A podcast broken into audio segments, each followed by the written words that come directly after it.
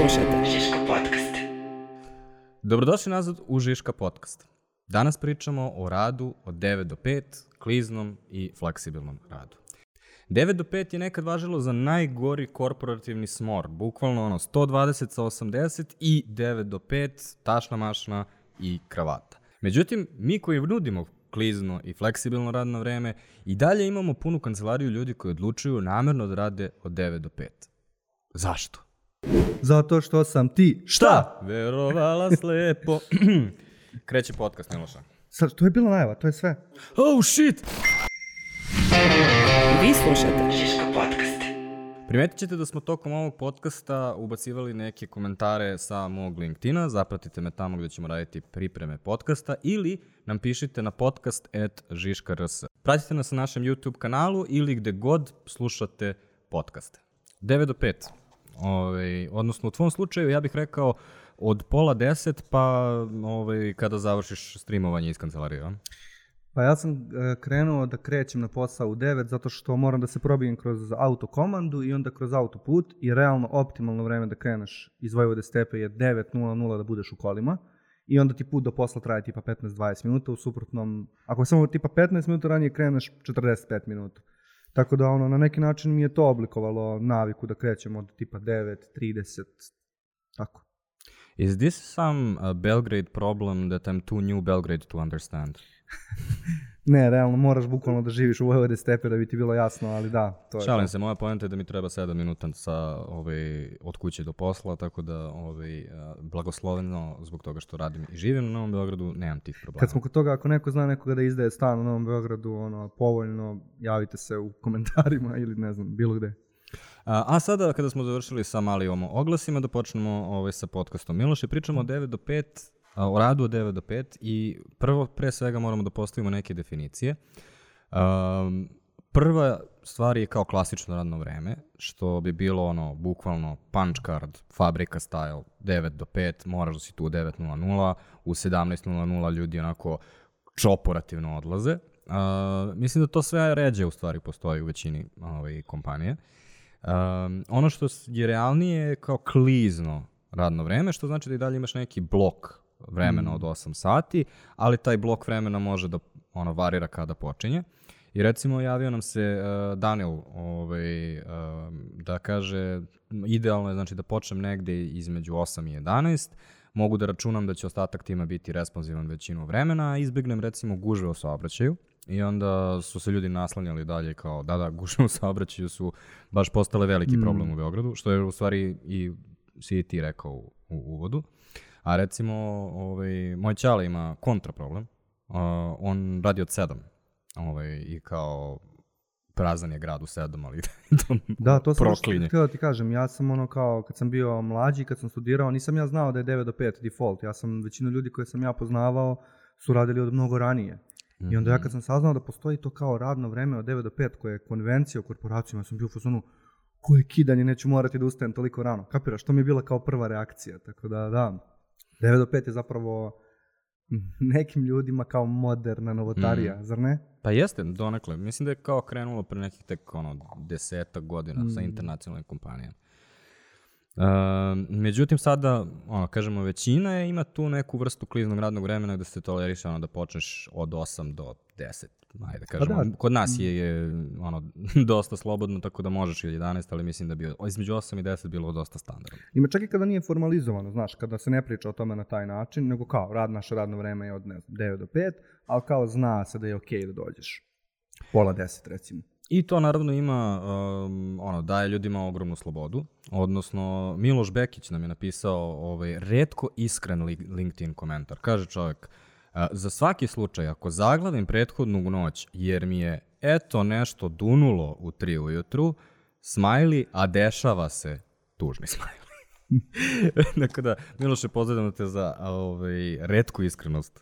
Ne, Ovaj, ali čak je dobio dosta lajkova na tom komentaru, ja mislim da su ljudi prepoznali taj moment, jer kao, to je ta tipična scena, kao, znaš da bi trebalo da legneš, samo da pogledam još ovaj Wikipedia članak o berlinskom, berlinskom zidu, ili ne znam, tako nešto, neku glupost, i bukvalno sledeća scena, dva je noću. U tim trenucima stvarno znači da znaš da ne moraš baš u 9.00 da se nacrtaš, ali u mom slučaju to nije baš tačno zato što postoji jedna stvar koja ti remeti tu slobodu, a mislim da je, da je i primer, ali i primer za mnogo širi koncept. Ovaj, to su sastanci. Ako znaš da imaš neke fiksne obaveze sa drugim ljudima, onda više nisi tako fleksibilan. Naprimer, ako imaš uh, tim, ono, članove tima koji konstantno zakazuju sastanke u 9 sati, što kod nas nije baš uh, praksa. Ljudi koji za- zakazuju sastanke u 9 Mm. sati ili ljudi koji rade u kancelarijama koje su daleko od grada, a zakazuju ih posle 3 popodne, Mm. Ovaj, e, treba da se zamisle nad, na tome kako tretiraju svoje kolege. Da, da, s jedne strane me to ono, nervira, a s druge strane imam neki respekt za te ljude koji su u fazonu, ne, ne, ovo ćemo da napadnemo od ranog jutra, 9.00, svi smo tu. Imam neki kao malo, malo loženja na to, iskreno da budem. Ja mislim da je to totalno protraćena ideja ovaj, iz više razloga. A, pod jedan, a, uvek postoji jedan koji kasni. Znači, Dani, Veljko. Danilova, A. Danilova gužva u saobraćaju u stvari zaista se dešava. Uvek postoji neki sudar, zbog znači lju, neki ljudi iz nekih krajeva. I ono, to je poprilično realno, u smislu ljudi iz krajeva grada svi kasne onda zajedno na taj Mm. sastanak.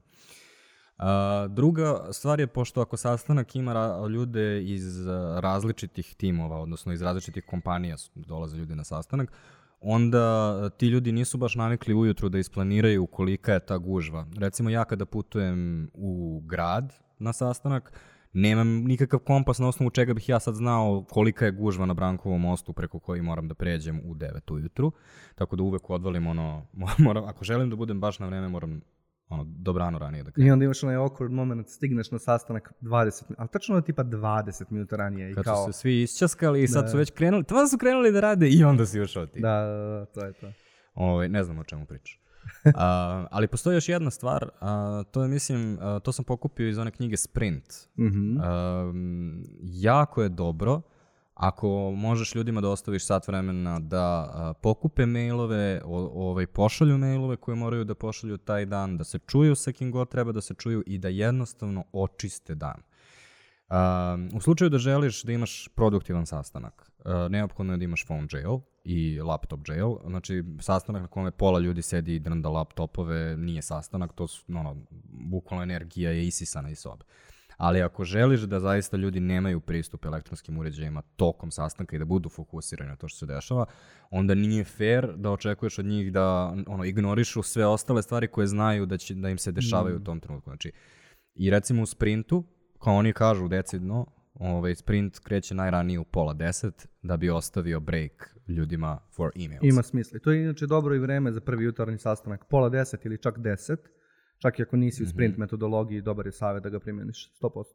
Pa nama su sta- statusi menadžerski u pola deset. To je kao, ima smisla.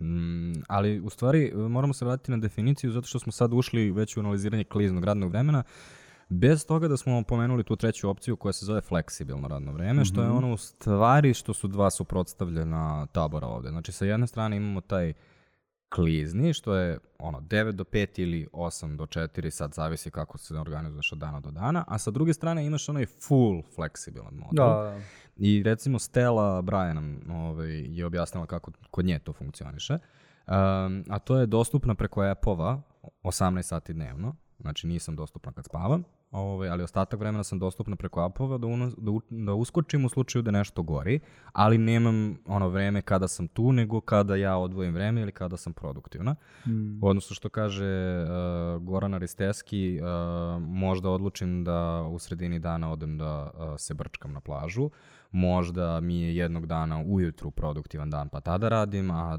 ovaj, drugog dana me produktivnost pukne predveče. Ovaj, I kao, ljudi su spremni da traduju taj ovaj, neki ono, komfor uh, toga da imaju predvidivo radno vreme zato da mogu da organizuju dan kako oni žele. Mm, Ali meni njih dve ne pričaju o istoj stvari. To jest ja Da? ih nisam razumeo kao da pričaju o istoj stvari. Uh, kako se zove prva koleginica, zaboravio sam ime. Stella. Stella. Znači Stella priča o tome da si ti manje više ceo dan kroz aplikacije dostupan, ali ne uvodi tu kategoriju objavljivanja, recimo, da li radi ili ne radi u datom trenutku. A, sorry, ovaj, zato što sam ja morao malo da kratim Aha, komentare aha. ljudi, pošto ovaj, ljudi su se baš raspisali kao ovo im je bitna tema. Ok. Ovaj, tako da Stelin komentar je bio mnogo duži. Ovaj, tako da jeste, ona objavljuje kada okej. radi i ovaj, Mhm, Fair onda kao To- drop-inuje sa To time. je, to je u stvari način na koji smo radili efektivno skoro sve vreme za vreme korone i baš onog tvrdo karantina na početku. U suštini smo se svi javljali kad je ko aktivan. Imali smo čak, sećaš se, imali smo prakse kao, e, sad ću da legnem sat vremena. Bukvalno smo, to je postalo normalno potpuno na taj način, ovaj, se odjavljivati i prijavljivati.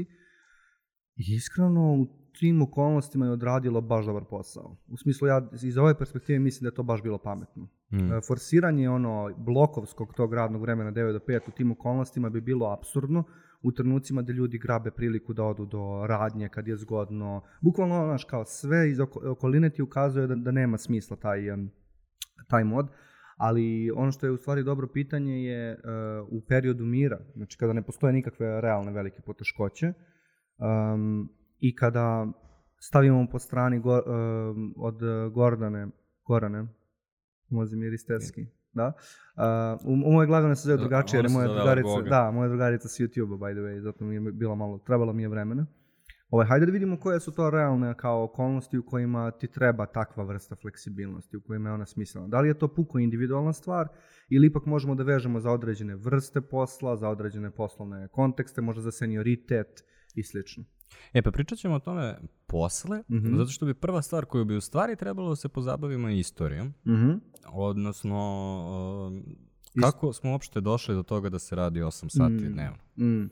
Mislim, ja kad sam krenuo da pripremam ovaj podcast, googlao sam kao osnovne, ne znam, origin radne nedelje, ori, znaš, sve te stvari.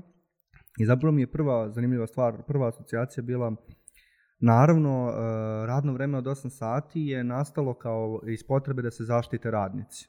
U jednoj, ono, u jednoj situaciji gde je industrijski standard bio mnogo viši. U smislu radnici su radili beskonačne ne, sate, ne znam, 12, 14, 16 sati dnevno. I onda je zapravo to došlo iz nekakve socijalističke, ono, kako bih rekao, ideologije. E, Skraćivanje u stvari radnog dana na 8 sati, kao neka vrsta alata za zaštitu radnika. Ja sam, moja prva misao kad sam to pročitao je pa kao, pa to mi služi i danas. Kao, iako je užasno ono kao različit istori, istorijski kontekst, ali kao moja prva asocijacija, pa da, meni, meni to, to me služi i danas.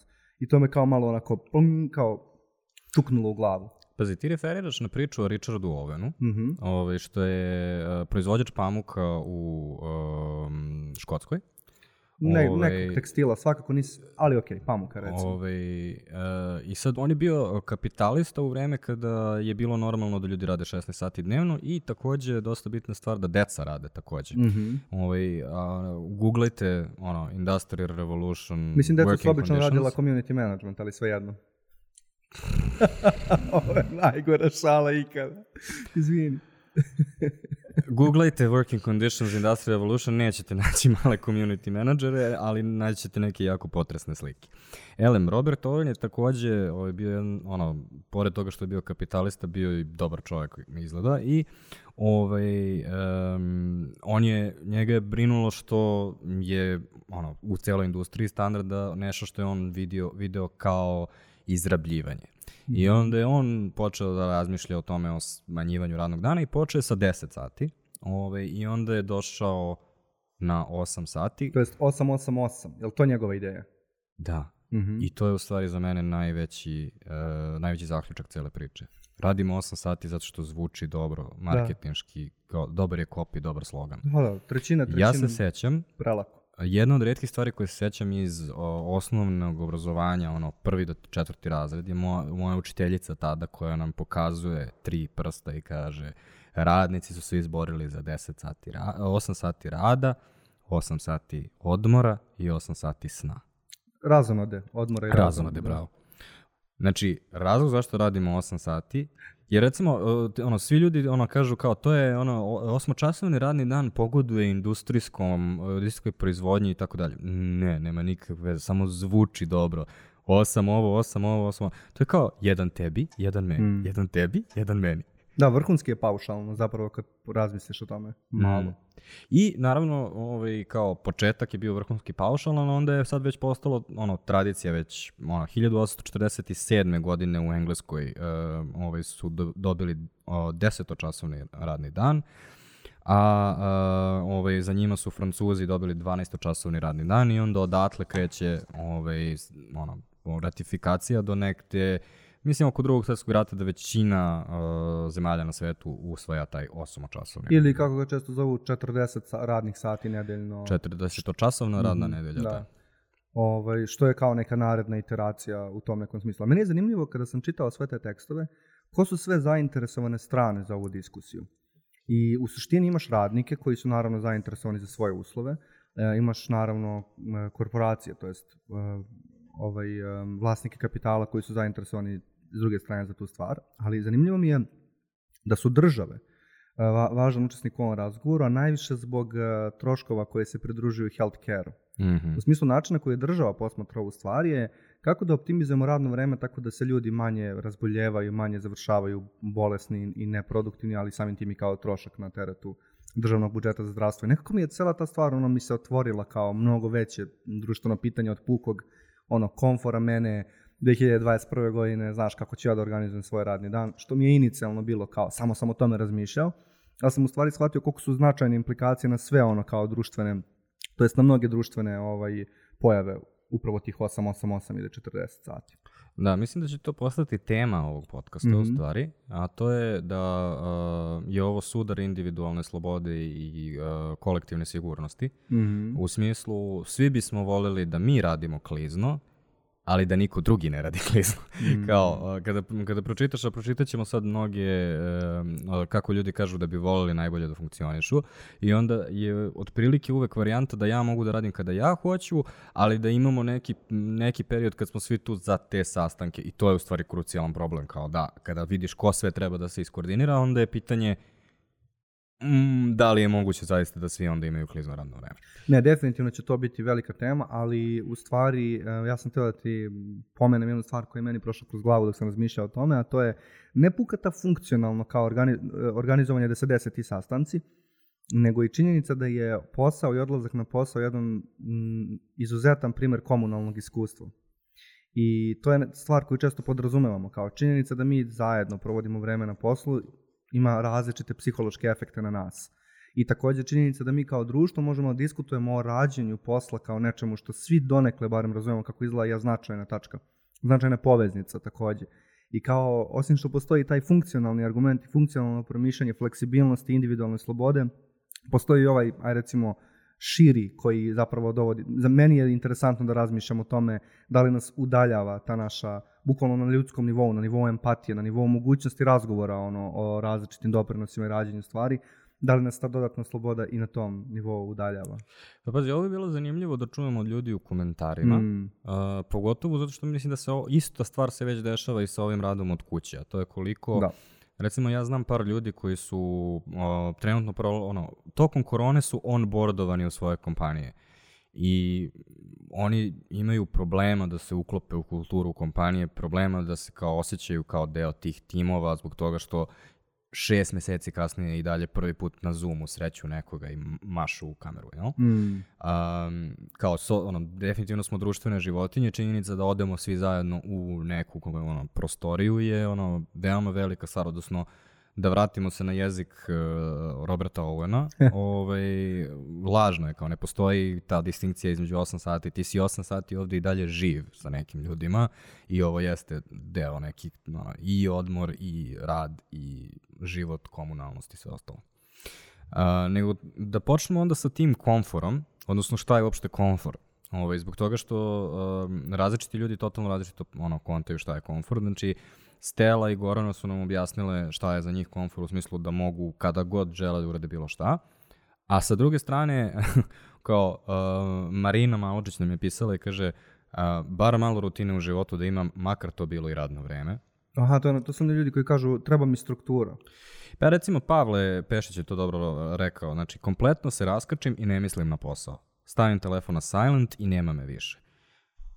Mm. Ja imam, ja baš imam jak osjećaj slično kao Pavle, u smislu uh, ja ne mogu da zaustavim svoj, ja ne mogu da polu mislim o nečemu Aha. i uh, za mene je ve- veliki deo mog dana je nešto što zovem izlazna meditacija, a to je ja moram da ubedim svoj mozak svaki dan da su moji poslovi završeni, jer nikad nisu zaista završeni, znači uvek imaš zadatke koje vučeš mesecima i kao i dalje imaš nešto sutra što možeš da radiš i tako dalje ja ako ne ubedim svoj mozak da sam dovoljno uradio za danas, a to je bukvalno pregovori od 15 minuta, gledanje to-do liste, prebacivanje nekih stvari i kao, ono, bukvalno samo, ok, pokrili smo sve, pokrili smo sve.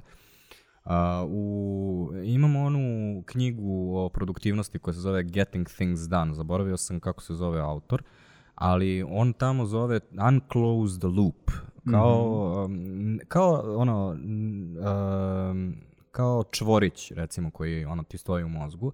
I ako taj čvorić ostane, onda će da ti dođe u 8 uveče. Ako ti dođe u 8 uveče, to, te, ono, to ti okida to da ti kreneš da misliš o poslu, onda kreneš da misliš o svemu dalje i ja onda ne mogu da, ono, kao funkcionišem zato što sam ono, sa jedne strane pokušavam da budem prisutan u nekoj privatnoj situaciji, a u glavi sam u fazonu, aha, onaj propozal za sutra, znaš, mogu bi na onom slajdu ipak da promenim ono što sam i tako dalje i kao u tom trenutku samo se dešava onako, Goran je tu prisutan, a vidiš kako onaj beli šum je u očima, ono, šš, Ja pokušavam da izbjegnem te situacije i u tom smislu mnogo sam počeo da cenim strukturu, u smislu ono old school radnog vremena.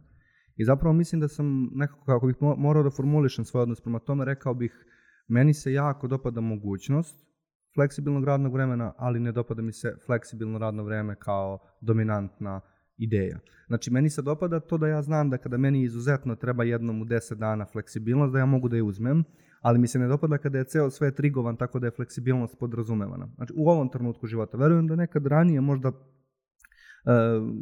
kad se prisjećam početka karijere i nekih ono junior, ono početaka bavljanja ovim poslom, nekako sam, čini mi se, mnogo više romantizovao taj, um, to je to što da- danas zovemo hustle. Kao dobio, dobio sam tu ideju, da, da li sam je dobio interno ili sam čitajući, gledajući pop kulturu oko sebe nekako usvojio, ali kao da je mnogo dobro da trčiš okolo, radiš milion stvari. Brate, moj život je neprepričiv, ono, znaš, sve je avantura. Ali zapravo, m, poslednjih godinu, dve sam u fazonu, nope, baš mi se dopada disciplina, dopadaju mi se clean cutovi, kao to o čemu ti pričaš. U šest izađem s posla i samo prešaltam mozak na nešto drugo. Najbolje na ništa, na prešaltam ga na ništa neko vreme, pa onda na nešto treće. Ovaj, um, tako da ne, nisam taj, uh, nisam taj lik što hoće, suštinski nisam taj lik što hoće da se kupa tokom dana i onda uveče da se uključi Slack ponovo. Ne, ne sviđa mi se to. Odlučio sam da mi se to ne sviđa i mislim da sam tu odluku doneo negde tamo u- na leto prošle godine, recimo. Um, znaš ko stalno donosi ove odluke? Ne.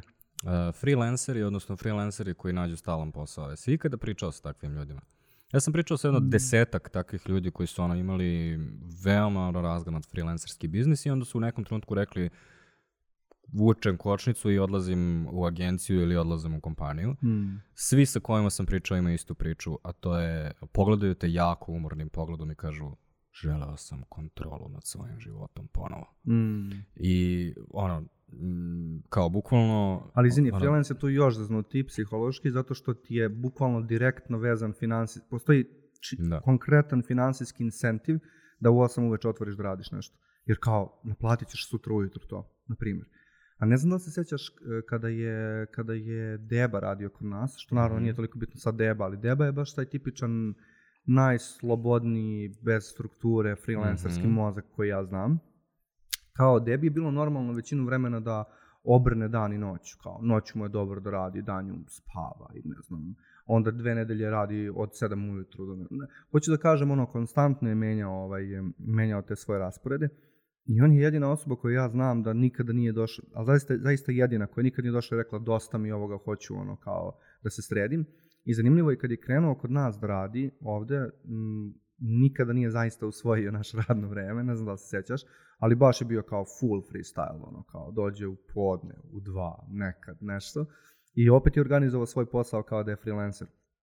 Poenta priče, ipak je donekle individualno, ipak postoje ono kao, mm, ipak postoje ekstremi u tom smislu ljudi koji ima jako godi ta ono potpuno sloboda, ali iskreno izuzetno je redko.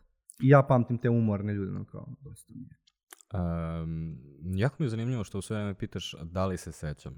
Ovaj, ovaj podcast je nastao i u vreme kada je, to je priprema za ovaj podcast je nastala u vreme kada je Deba radio ovde. Aha.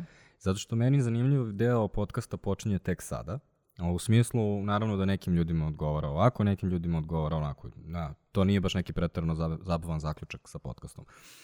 Ono gde počinje zabava jeste kako uklapaš debu u naš sistem ili kako da, ono, kako ljudi sad se međusobno onda odnose, ovaj, odnosno kako da nekim ljudima omogućiš klizno kada, je, ono, kada ih je puno. Kao, kako to da obradiš. E, I tu sad dolazimo do problema različitih poslova. Odnosno, ono, Stella nam je dala, recimo, inženjere, programere, new business menadžere, customer support timove, kod kojih je ono, ta, ta vrsta um, ono, rada, ono, upadam tamo gde gori i kao totalno fleksibilno, sasvim okej. Okay. Sa druge strane, kao postoje neki poslovi koje, za koje važi da nisu baš podložni totalno fleksibilnom radu.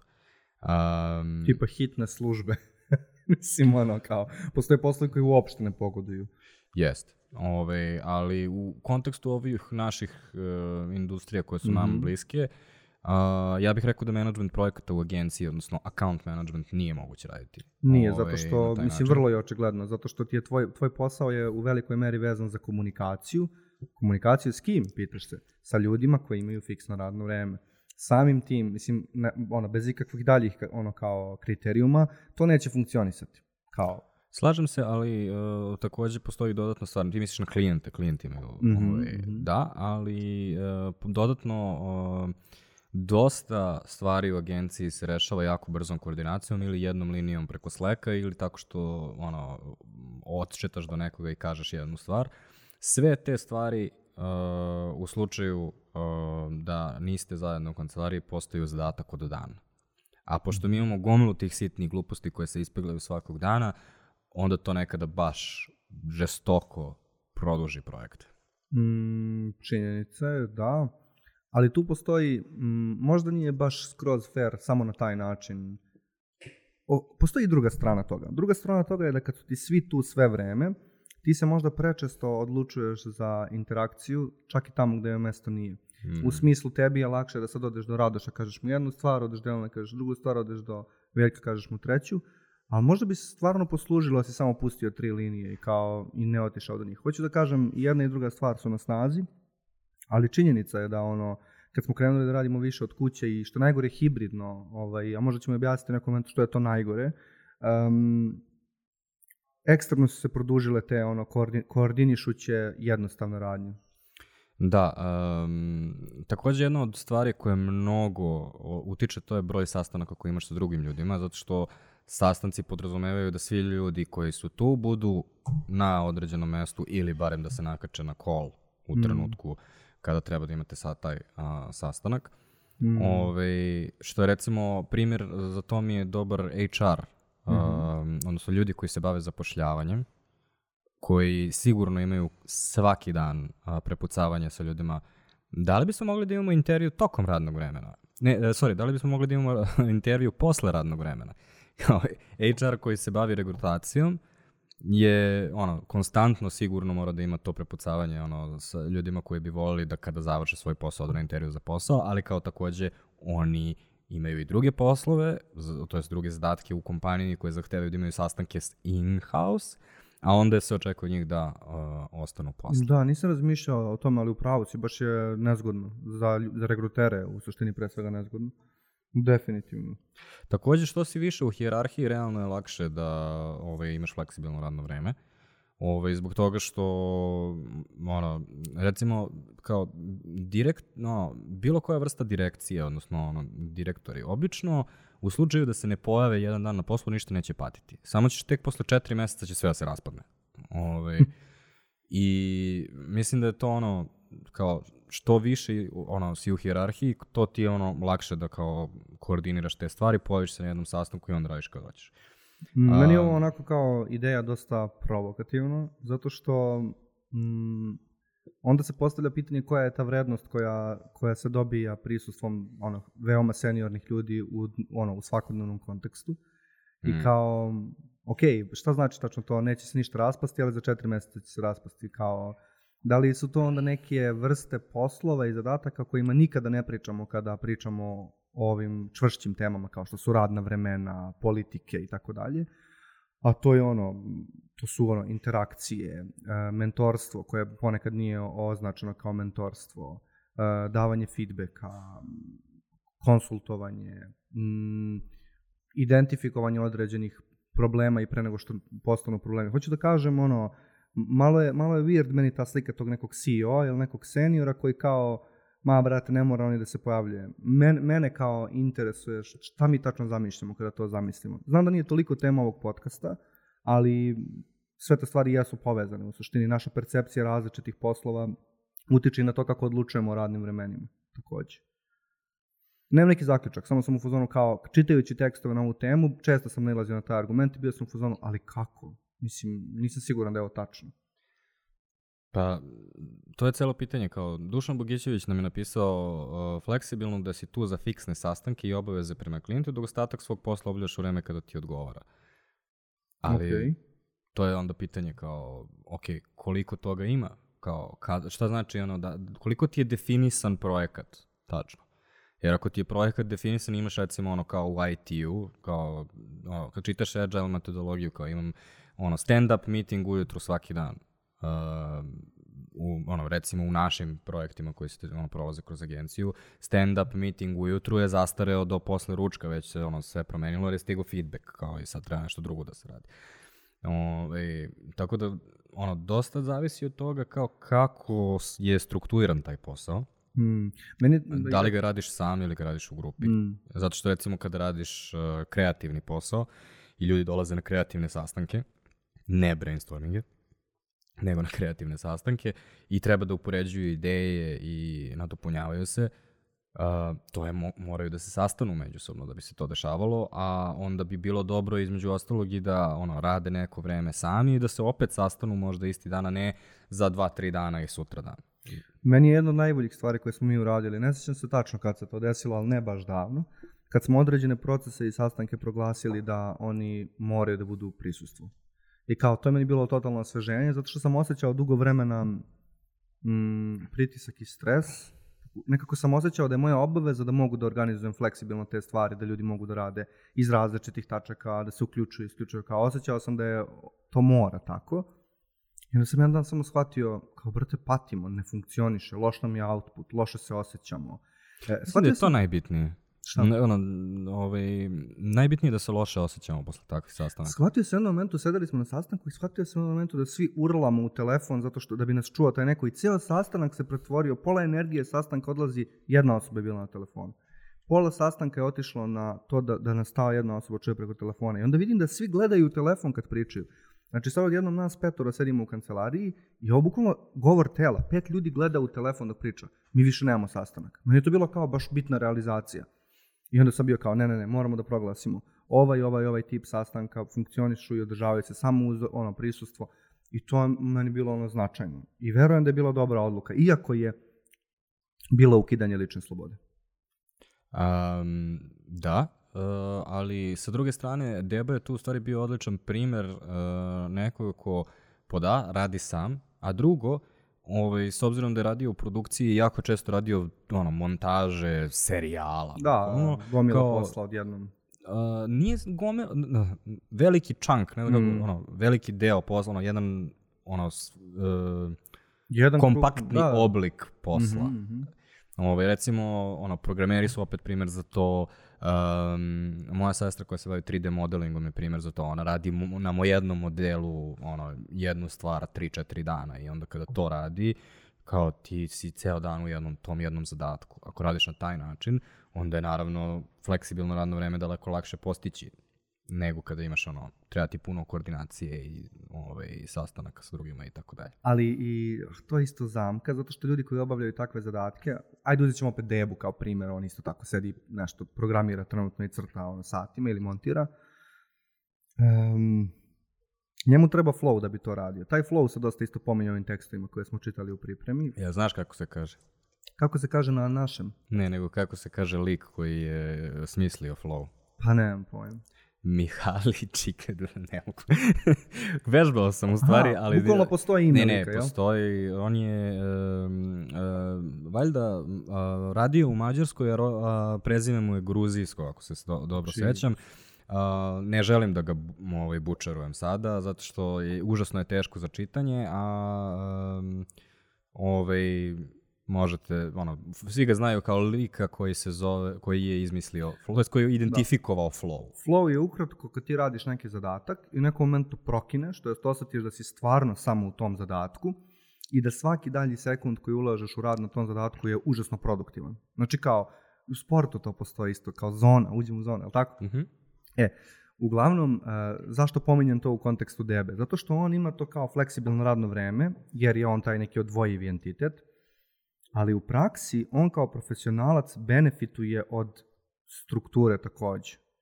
I št, kako se onda završi taj njegov, taj njegov problem? Tako što on ceo dan radi fleksibilno, to jest ceo dan switchuje i radi fleksibilno stvari koje radi, i onda otprilike u dva noću uđe u zonu, to jest uđe u flow, i onda od dva noću do ujutru odradi to svoje konvencionalno, konvencionalno radno vreme.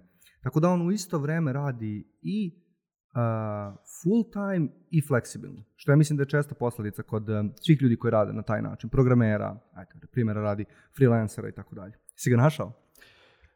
Pokušat ću. Uh, Mihali Či, Čikšednt Mihali. o Bože. Znači, ovaj, ali, da, otprilike tako. Ove, da, upravo si, ovaj, flow um, je u stvari radi kontra ovome svemu što pričamo u smislu uh, najveći problem koji ljudi koji rade na ovim poslovima koji su ono zahtevaju puno koordinacije, nedefinisani su puno sastanaka sa drugima jeste kako da u stvari identifikuju flow i flow se onda dalje pominje u ono, svim ovim istraživanjima u smislu kada se priča o smanjivanju radne, radnih sati, kao da je mnogo bitnije koliko sati radiš u flowu, Jeste. a nego koliko sati Po radiš. nekim istraživanjima, uh, koja ne znam ni metodologiju, ali svakako je flash za ovaj, pomenuti, pet puta je veća produktivnost kad si u flow za neke profesionalce, pominju se CEO-ovi, pet puta je veći impakt kada si u flow nego kada nisi. Što se smeš? Uh, zato što skačeš malo po pripremi, uh, ovaj, ali mislim da je ovo sad zanimljivo, možemo da otvorimo pitanje performansa. Mm -hmm. Zbog toga što uh, jedna stvar koja se dešava kada radiš 8 sati imaš neku uh, veštačku ogradu koja ti pruža mogućnost da lakše porediš ljude. A recimo, uh, kogod da tvrdi da može da izmeri produktivnost CEO-a, laže. Kao ne Mhm. postoje, ono, na, čak to se uči i na fonu, ovaj, a to je uh, što su više pozicije, to su teže za definisati i pošto smo nas dvojica se bavili definisanjem svih pozicija u ovoj agenciji, mi smo to ostili na sobstvenoj koži. Kao, lako je objasniti šta radi community manager, ovaj, to su veoma konkretne, egzaktne operativne stvari. Kada dođeš do toga šta se radi ovaj, direkcija, moraš da slomiš svoj mozak, filozo, ono, da filozofski objasniš a da opet bude veoma konkretno, da ne bi bilo, ono, da ne bi sad svi ljudi različito pretpostavljali šta je to. Mm. E onda kada u to sve pokušaš da, da izmeriš produktivnost, mislim da tada ulazimo u ogromne probleme sa metrikom. Kao što je, na primjer, um, ovaj Predrag Ilić nam je poslao Harvard Business Review članak koji se bavi uh, šestočasovnom radnom nedeljom. I ovaj, u ovaj, tom članku autor kaže um, da ima svoj tim i da se taj tim uh, bra, uh, je Innovation Accelerator. Mm -hmm. A, I onda kaže kako je njihova produktivnost uh, porasla uh, kada su ih smanjili na, na 6 sati. Uh, međutim, ako išta znamo o innovation akceleratorima, cela poenta je da ne postoji uh, flat produktivnost tih ljudi.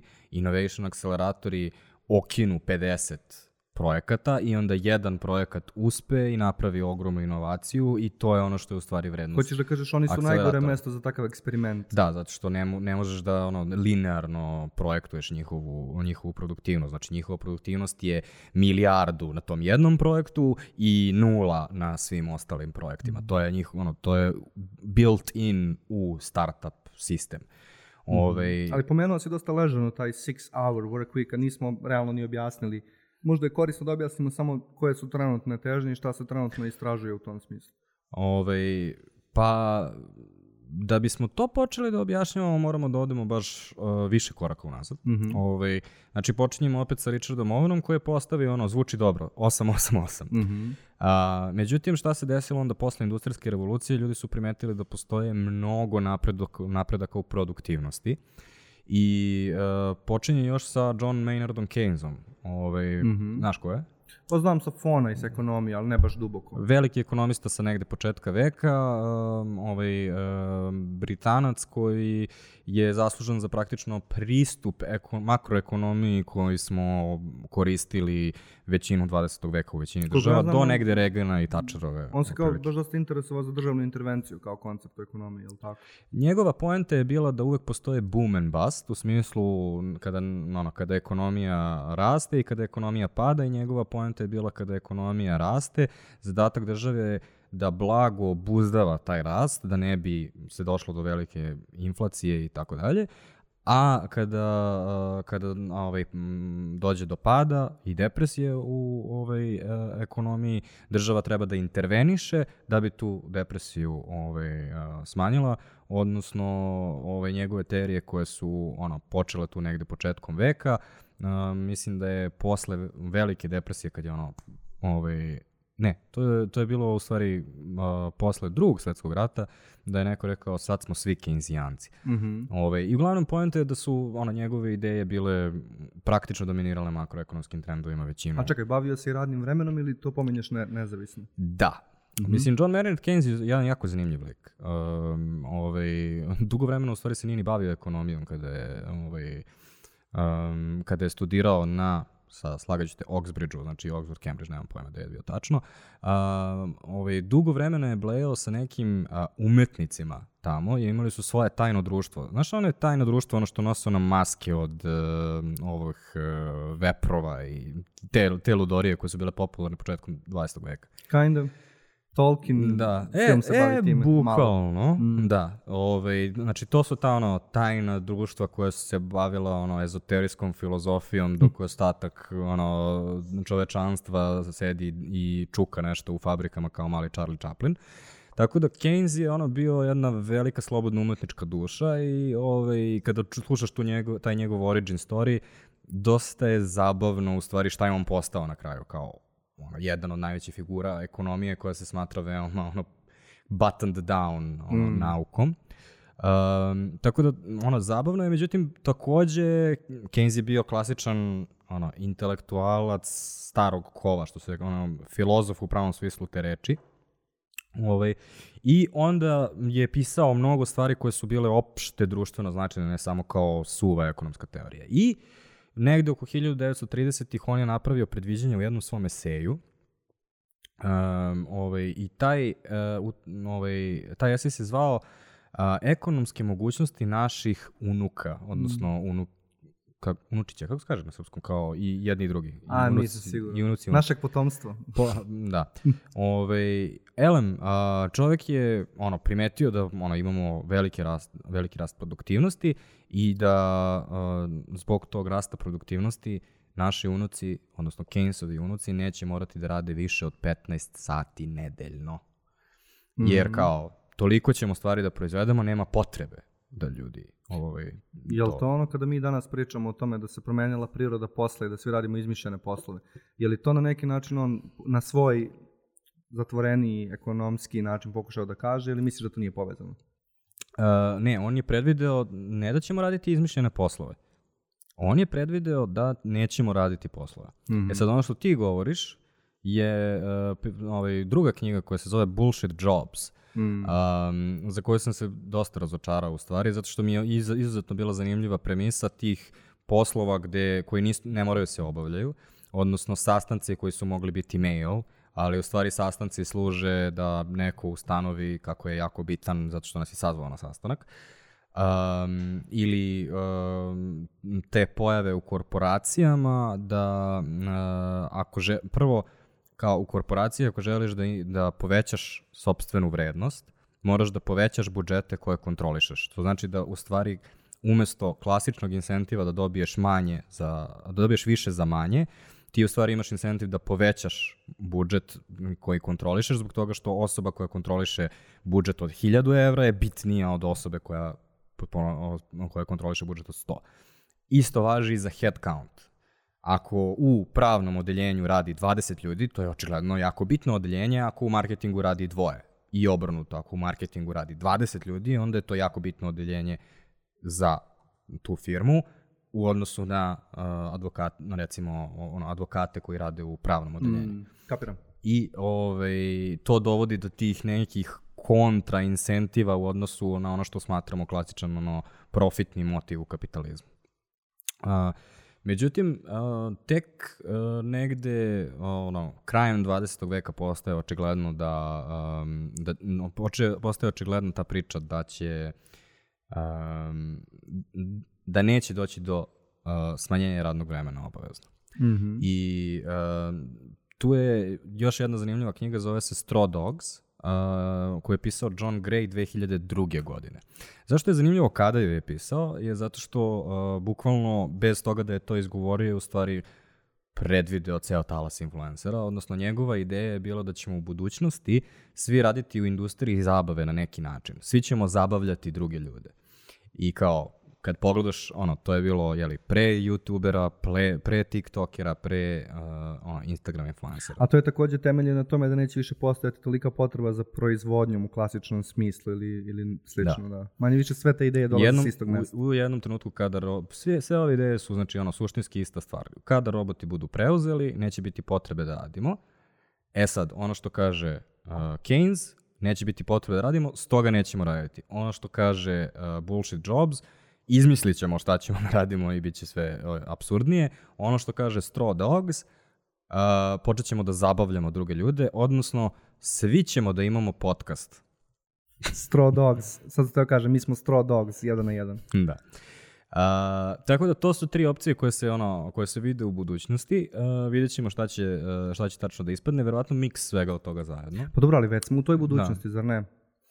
Pa, ono, donekle. Mislim, mislim, mislim da se neki ljudi baš ne bi složili sa premisama mm -hmm. u Bullshit Jobsu, a pogotovo zato što je sama knjiga napisana dosta aljkavo. Mm -hmm. Ove, ovaj, ja se baš radovao tome kad sam je kupio da je čitam, u smislu mislio sam da će čovjek ozbiljno se pozabavi time. Nažalost, njegove premise su bile interesantne, ali on se nije bavio zaista istraživanju, samo je bukvalno bio ono, gomila kukumavštine i onda još ona dva primera, oni likovi što Znaš, oni likovi što u onim restrukturiranjima prestanu da ono, budu ičija nadležnosti i onda nastave da rade 30 godina, primaju platu ni za što. Znaš u, nekom, u nekom, ono, kako se kaže, podrumu ili da, suterenu. Da, taj fazon. Da, da, razumem. Ove, tako da, o, ono, nisam siguran, ono, sa jedne strane mogu da vidim da postoje delovi posla koje radimo danas koji su očigledno besmisleni, nisam siguran koliko čitavi poslovi ili čak departmani, koliko oni ide daleko, ovaj mogu da se nazovu tako.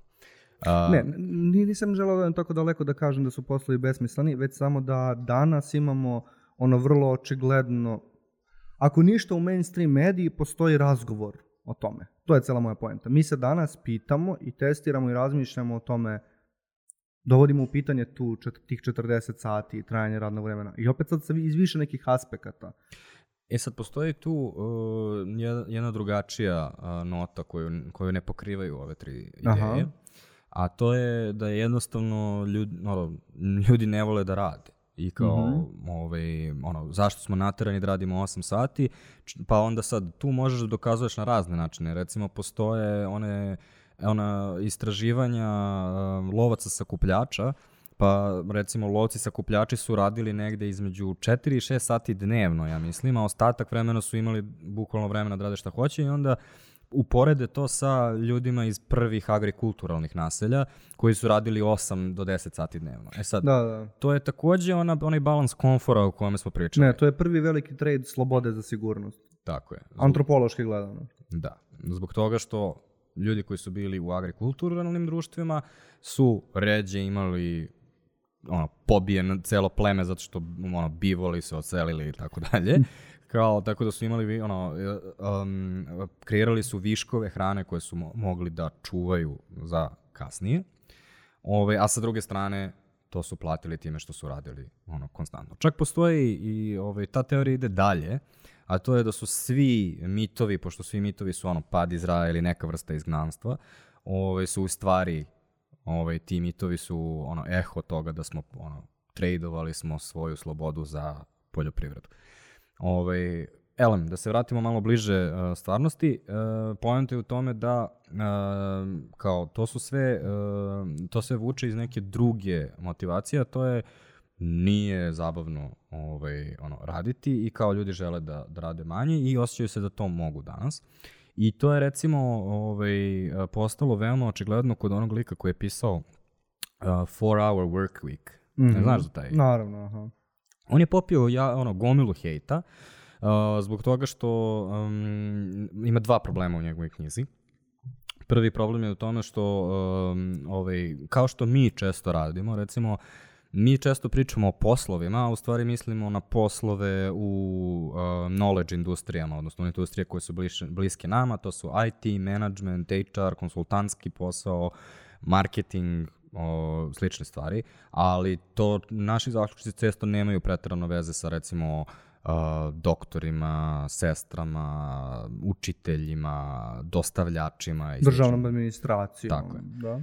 Ove, um, on je napravio sličnu grešku u smislu dosta njegovih saveta se fokusira baš usko na to kako da postaneš autor, kako da postaneš konsultant. Što su svi ti biznis autori su ujedno i konsultanti koji ono, mm. drže predavanja. Um, I druga stvar koja, koja je, ono, gde je popio ovaj, dosta hejta je um, dosta njegove knjige se uh, bazira na tome da na, uh, kreiraš reputaciju za koju te ljudi plaćaju, a da onda posao sam obavljanje toga outsourcuješ na virtualne asistente u zemljama trećeg sveta, odnosno neke indice preko Upworka i onda daš njima da ti naprave prezentaciju za konsultacije i samo kao im kažeš tri najbitnije stvari koje ti tu ono, koje oni tu treba da ono, pokrpe i kao kontrolišeš njih i na taj način onda možeš da smanjiš sebi ovaj posao što je eksploatatorski pod jedan, a pod dva ovaj, uh, ono, opet nije, ne donosi suštinsku vrednost. Mm, takođe meni zvuči užasno neinspirativno i dosadno, kao, mm. ne znam, ako si ti konsultant koji outsource pripremu svojih prezentacija, šta onda ti radiš, kako ti dobiješ zadovoljstvo iz svog posla. Ali kapiram da sam ja sad omašio skroz, ono, kao sentiment te knjige. Um, ali, uh, mislim, ja, ono, ne, mislim mislim, to je bio moj isto takeaway. Ove, ali suštinski um, ja znam za neke sada uh, aranžmane, pogotovo sa seniorima, koji su u fazonu, hajde da pričamo o tome da ja značajno smanjim svoju platu, ali da dobijem petak off konstantno. Mm -hmm. Ove, I znam par ljudi koji su napravili te aranžmane u firmama kojima rade i opet vraćam se na onu priču o tome da ove, sa seniorima kao nije uvek po meni neophodno da ono, budu fizički prisutni ove, konstantno tu, a pogotovo kako su tu 4 od 5 dana nije toliko velika razlika.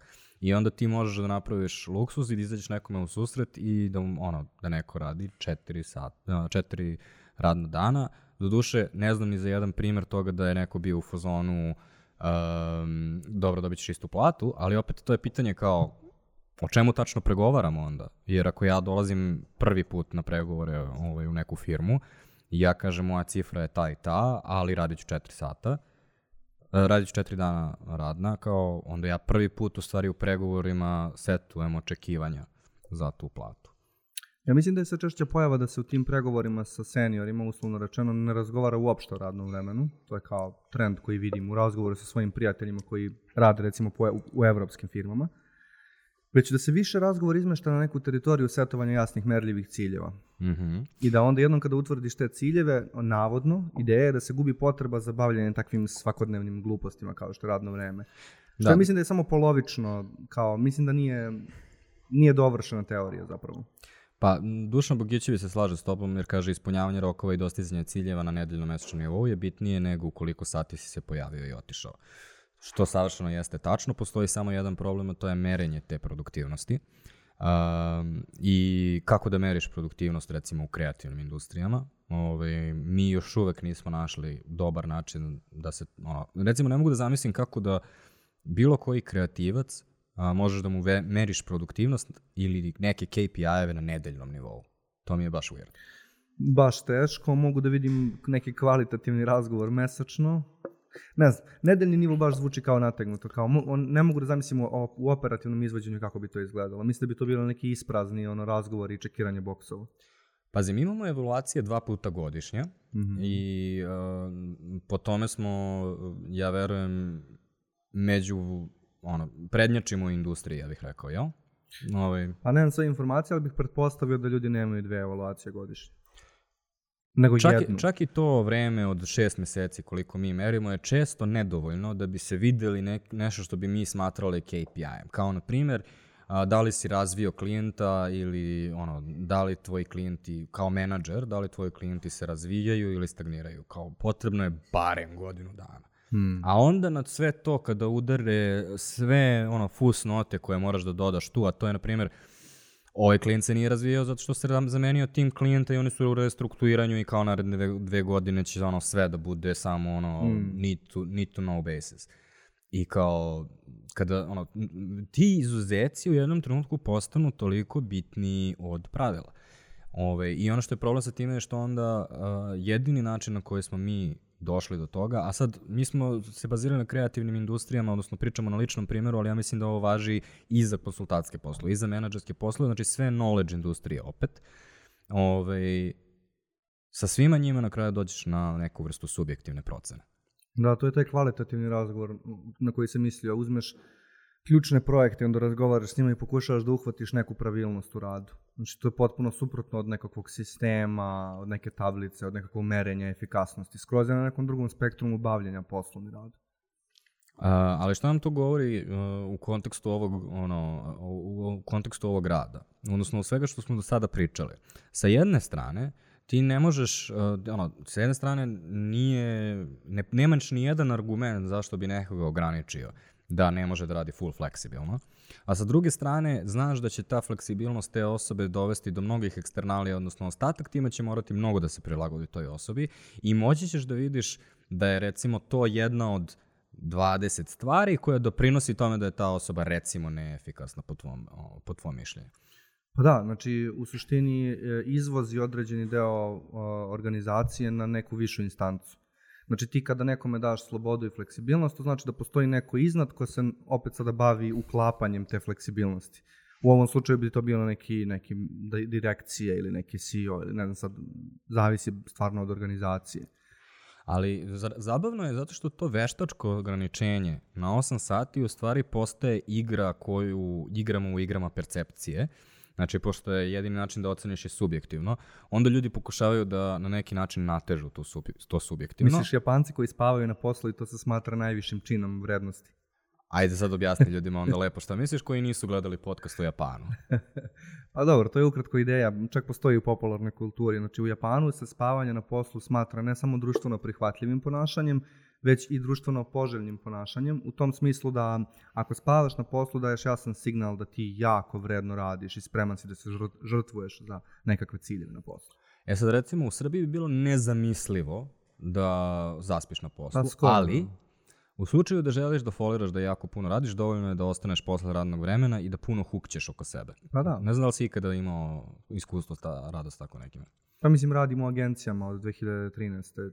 Mislim, to je če, često ponašanje, kao imaš te ljude, neki od njih su fantastični, ono, kolege s kojima sam jako voleo da radim, ali koji su ono, hronični overtimeri, ovaj, hronični overtimeri koji doslovno izgrade ceo svoj lifestyle i poslovnu O, personu čekaj, oko čekaj. toga. Postoje tri različite vrste ovaj, overtimera i inače Kaćons nas je takođe pozdravila i um, ovaj, ona je u stvari ubacila tu taj trenutak um, da se klizno, to jest ne klizno, nego fleksibilno radno vreme je često zamka zbog Mhm. toga što često fleksibilno re- radno vreme vodi u prekovremeni rad. Dobro. Ovaj, što je, ono, kre, kreira se ogromni problem. Ali postoje o, tri osnovne vrste ljudi koji su, ono, koji ostaju, koji glave. Prvo su ljudi koji kao ni, ne rade ništa, nego samo kao žele da isfoliraju, da su tu i onda time prikazuju kako se oni žrtvuju za firmu. Znači, ono, to je totalno fake.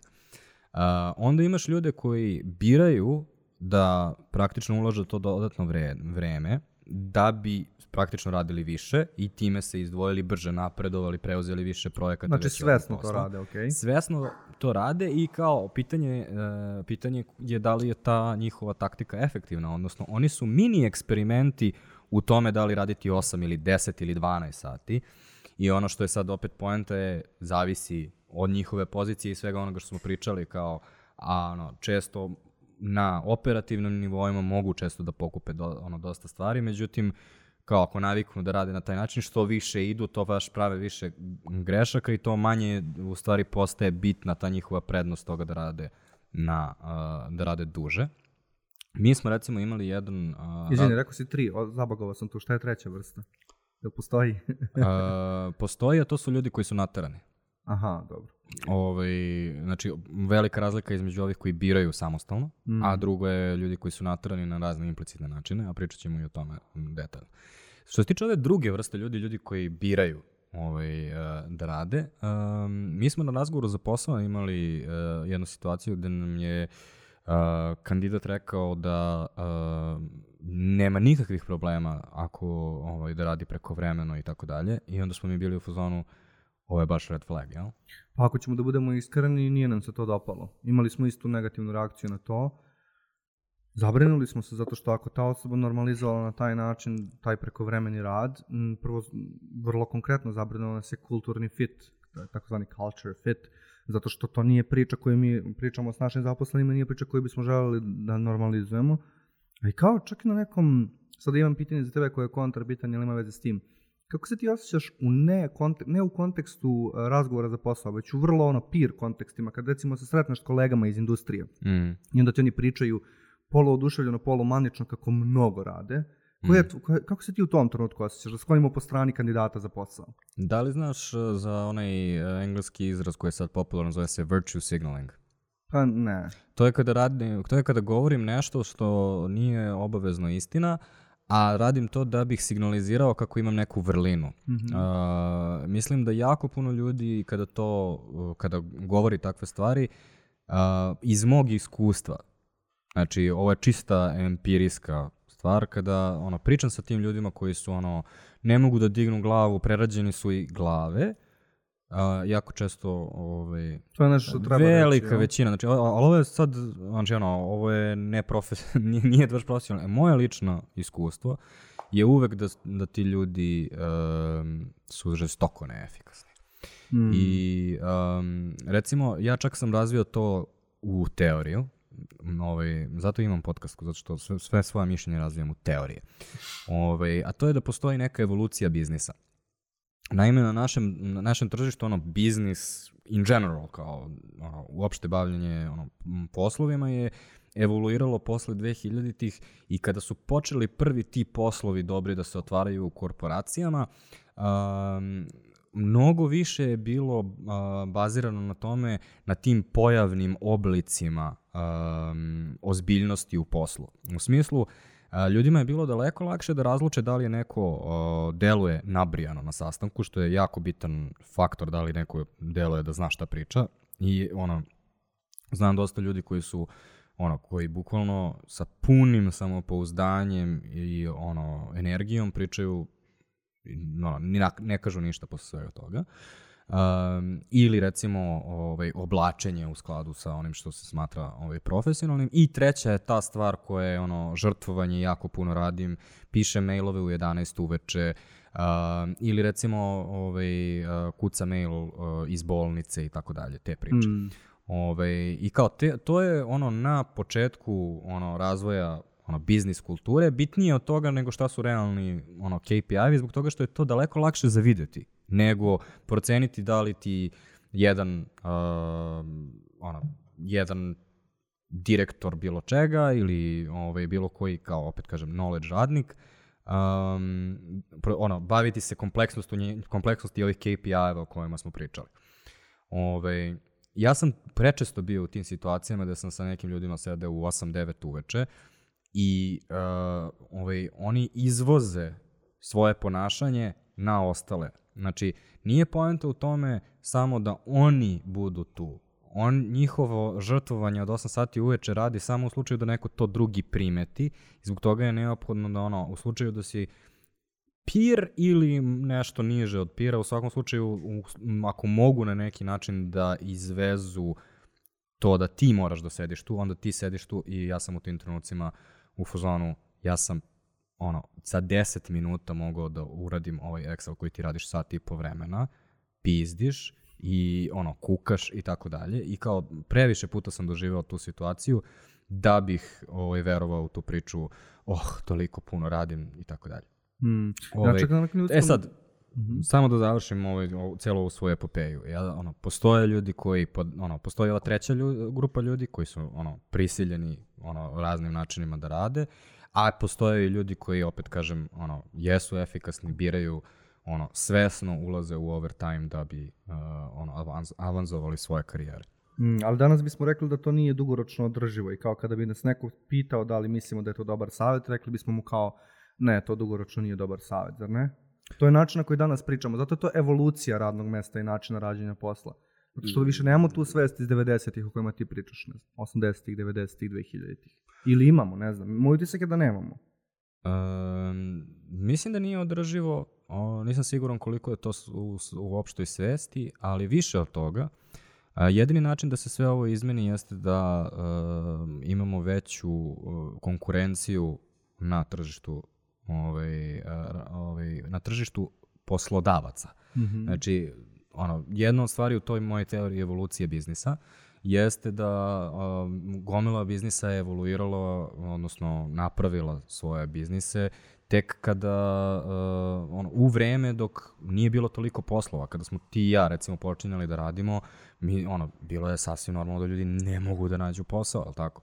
Danas, barem u našim industrijama, ono, uvek ima posla ono, ko, ono, za ljude koji su kvalifikovani za to. Uh, ono što se dešava u tim trenucima je uh, u trenu, ono, kada imaš, kada te neko forsira da radiš preko vremeno, jednostavno kažeš neću. A da bi to mogao da uradiš, moraš da imaš neku sigurnost, da ćeš mm. moći da nađeš posao na drugom mestu. Posao koji je isto adekvatno plaćen. I onda tek kreće ono promena u industrijama. I ja mogu, ono, raz zašto sam ja to u stvari primetio je ona priča da mi e, često kada sarađujemo sa kompanijama možemo po prvom sastanku, po tome kako izgleda konferencijska sala, da provalimo gomilu stvari o toj kompaniji. I onda možemo da vidimo da li je direktor ono, u 2002. ili je u 2017. na primjer. I ono, to je taj trenutak um, gde, aha, neće da radi preko vremena, nema veze, otpustit ću ga, naći drugo. Čekaj, stani, danas je jako bitno da nađeš nekog ko zna šta radi, ko će zaista da, ono, da reši tvoje probleme, a ne samo da dovedeš osobu koja će tu da sedi, na primjer. Razumeš, kada mhm. ljudi naprave tu distinkciju, e onda, uh, su, onda tek uh, balans moći praktično prelazi u, u ruke radnika i tako u stvari možeš da dođeš do toga. Mi smo isto to ovaj, doživeli. Zato što smo jednom ovaj, imali situaciju u kojoj smo, ono, ok, postojale su mnoge druge stvari koje su tu bile ovaj, već uh, problematične, ali kao finalni okidač jeste bio što nismo hteli da radimo na državni praznik. Onda smo nismo hteli da odlazimo na snimanje i onda smo bili u fazonu, ok, nećemo raditi i, i to je to. Pa da, dobro, to je malo sad šira ideja, nije poenta sad u tom prazniku i da smo mi nešto zaljubljeni u praznike, nego što smo mi znali da je pristajanje na takav uslov jednostavno deo nekakvog širog settinga u kojem mi nećemo benefitovati. To jest ne, neće naša organizacija moći dobro da se uklopi s tim očekivanjima.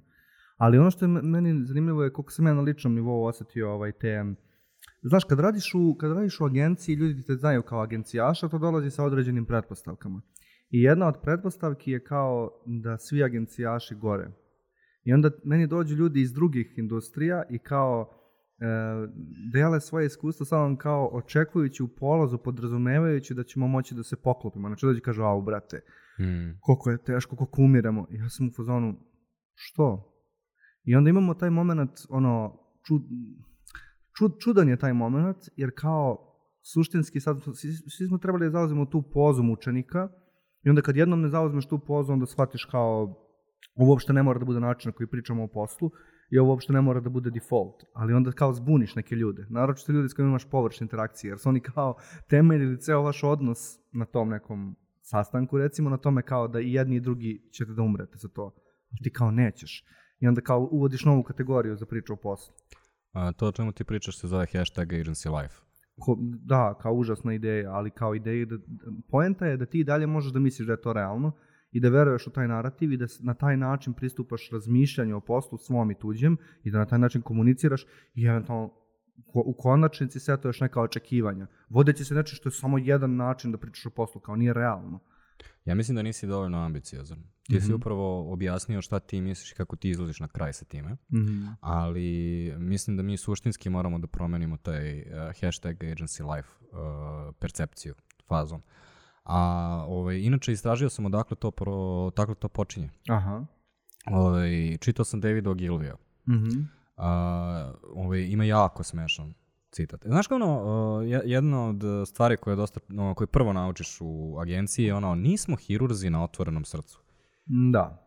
Ove, e, uh, David Ogilvy bukvalno ima kontra citat.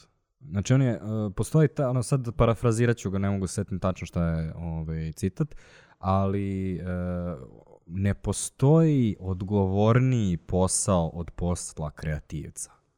To je ono, ko čovjek napisao u knjizi. E sad, postoji i dobar razlog zašto je David Ogilvy to radio, zbog toga što je David Ogilvy radio sa najvećim biznisima u Americi. Radio je u vreme kada ti biznisi nisu imali interne marketing timove strukture, nego je uglavnom radio direktno sa vlasnicima tih biznisa. To je bio deo njegove priče koju on prodavao njima, a to je mi smo kreativci koji oslobađamo biznise da mogu da zarađuju, mi stvaramo vrednost, to vredi gomiletinu para. Ovaj, i zbog toga ono, mi smo naj, ono, veoma odgovorni, uvek ćemo biti tu, radit ćemo u tri ujutru i tako dalje, kao kada je kampanja, kada se snima, kada se ono, ovaj, pravi kreativa, tada mora ono, ništa nije svetije od toga u tom trenutku. E sad, Dobro, Da, to je odlična komunikacija. Da. Zvuči jako dobro na pamfletu, jel? I super je kada ono vlasnik agencije to, to kaže. Pitanje je šta se dešava sa ono uh, copywriterom u, ovaj, koji radi u toj agenciji. Uh, međutim, suštinski uh, ono, i sa, samo je dobra priča. Kao, zaista nije neophodno ovaj, ići toliko daleko i sad uh, Gary Vee je naravno nastavio tu istu priču, ali ne samo Gary Vee, nego i ceo startup meet. Pa Da. Ti danas imaš Ilona Maska koji i dalje, čak i Gary Vee se povlači iz toga. Mm. Gary Vee menja svoj narativ već godinama, već godinu dve, ali dalje imaš tipa Ilona Maska koji je u fazonu ja radim 16 sati dnevno, nemojte da vas čude moji uspesi. On bukvalno to izgovara 2021. Jeste, i ono što je, uh, što je neizgovoreno u tim trenucima, kada ti slušaš kako je Jobs radio 16 sati dnevno, kada Musk kaže kako radi 16 sati dnevno, Ja sam u fazonu, u slučaju da ne šaljaš ljude na Mars i ne redefinišaš industriju, ali već vidim kako redefinišeš industriju, ne možeš da radiš 16 sati dnevno. Eto, to je moj zaključak. Zbog toga što svi ti uspesi su u stvari um, ono, zapisani u knjigama uspešnih kompanija, kao što su ono HP, kao što je Apple, kao što je Microsoft, svi počeli u garaži, svi izgarali i tako dalje. Taj startup meet jeste isti za svaku od uspešnih kompanija.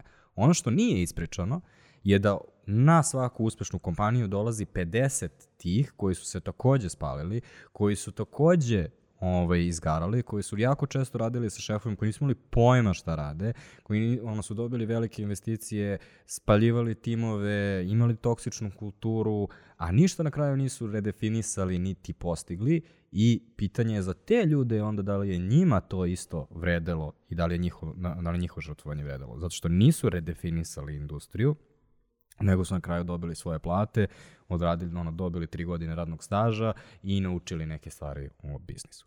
Ja nemam problem s, tim što si ti rekao, u smislu razumem tu, tu statistiku. Um, međutim, imam problem s tim da ljudi, obični ljudi kao mi, kada čujemo takve izjave, često možemo da ih pogrešno protumačimo i da pomislimo, na primjer, da je jedini razlog zašto mi nismo uspešni zato što ne radimo dovoljno. Mislim, Mm. malo je onako kao glup primer, to jest banalan, ali da, može to da ti se desi. Onda recimo mladi ljudi koji ulaze u industriju su u fazonu, pa da, to je jedini način. A zapravo to nije fair razgovor, nije fair način da razgovaraš o tome, zato što je bitno u tim momentima koji su emotivni za nekoga ko razmišlja svoje karijere, da, da prosto shvatiš da postoji različit kontekst, različita polazna tačka, različito tržište, različita industrija. Jednostavno moraš da uzmeš sve te stvari u razmatranje, pa onda da se zapitaš, na primjer, to ono kao ključno pitanje, da li ja radim dovoljno. Što je kao ono individualno važno pitanje, ti stalno to pitanje postavljaš sebi jer na osnovu njega temeljiš svoj ono, self-worth kao, Mhm. ali ne smeš da ga tako nesmotreno postavljaš samo gledajući tih 16 sati tvojih koliko god sati, što mi se čini da ljudi vrlo često rade. Mislim da je, uh, kod nas nije problem radnih sati, koliko je problem dostupnosti. Mhm. Um, I to je ta um, iluzija um, da kreativni uh, rad i agencijski rad mora da se dešava, uh, ono, da moraš biti konstantno tu, dostupan. U smislu, da li community manager u 10 uveče mora da radi community management? U smislu, da li um, ovaj PR executive a, treba da se javlja novinarima koji ga nazovu u 10 uveče? Da li um, jedan kreativac I sad ovde je u stvari čudno zato što ću u stvari dati primjer za koji verujem da se stalno dešava, a to je da li jedan kreativac u 11 uveče razmišlja o svojoj kampanji. I sad tu je problem kreativnog procesa zbog toga što postoji onaj deo indukcije mm. u kojem ti ono, u nekom trenutku ti jednostavno padne na pamet ideja i tada treba da imaš blokče i odnosno svi danas imamo telefon sa notesima pored sebe i zapišeš ideju koju donosiš sutra na brainstorming. Uh, ali ta iluzija, ono, mo- moraš baš žestoko da se potrudiš da razbiješ tu iluziju. U smislu, prvo moraš da ceniš dovoljno sebe, da znaš da si dovoljno odradio. Drugo, moraš da se dovoljno konforno osjećaš u svojoj industriji da kažeš, e, to, taj community management u 10 uveče u stvari nije bitan.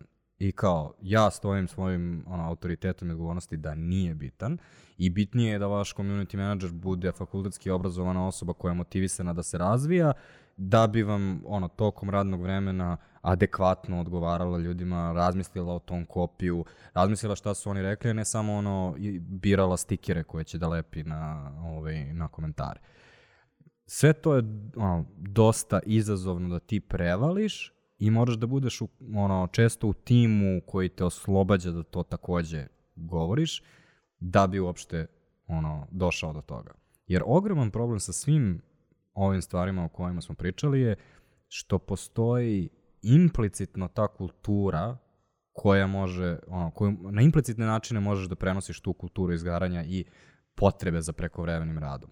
Recimo, ovaj, u trenutku kada a, ovi koji su seniori imaju fleksibilno radno vreme, u trenutku kada u 11 uveče pošalju mail, osobe koje su juniori u njihovom timu ne znaju zašto ta osoba šalje u 11 uveče. Oni ne znaju da li je ta osoba izašla pola dana na ručak sa ono, rođakom koja je došla iz Amerike i onda sada nadoknađuje to. U slučaju da neko to ne objasni transparentno.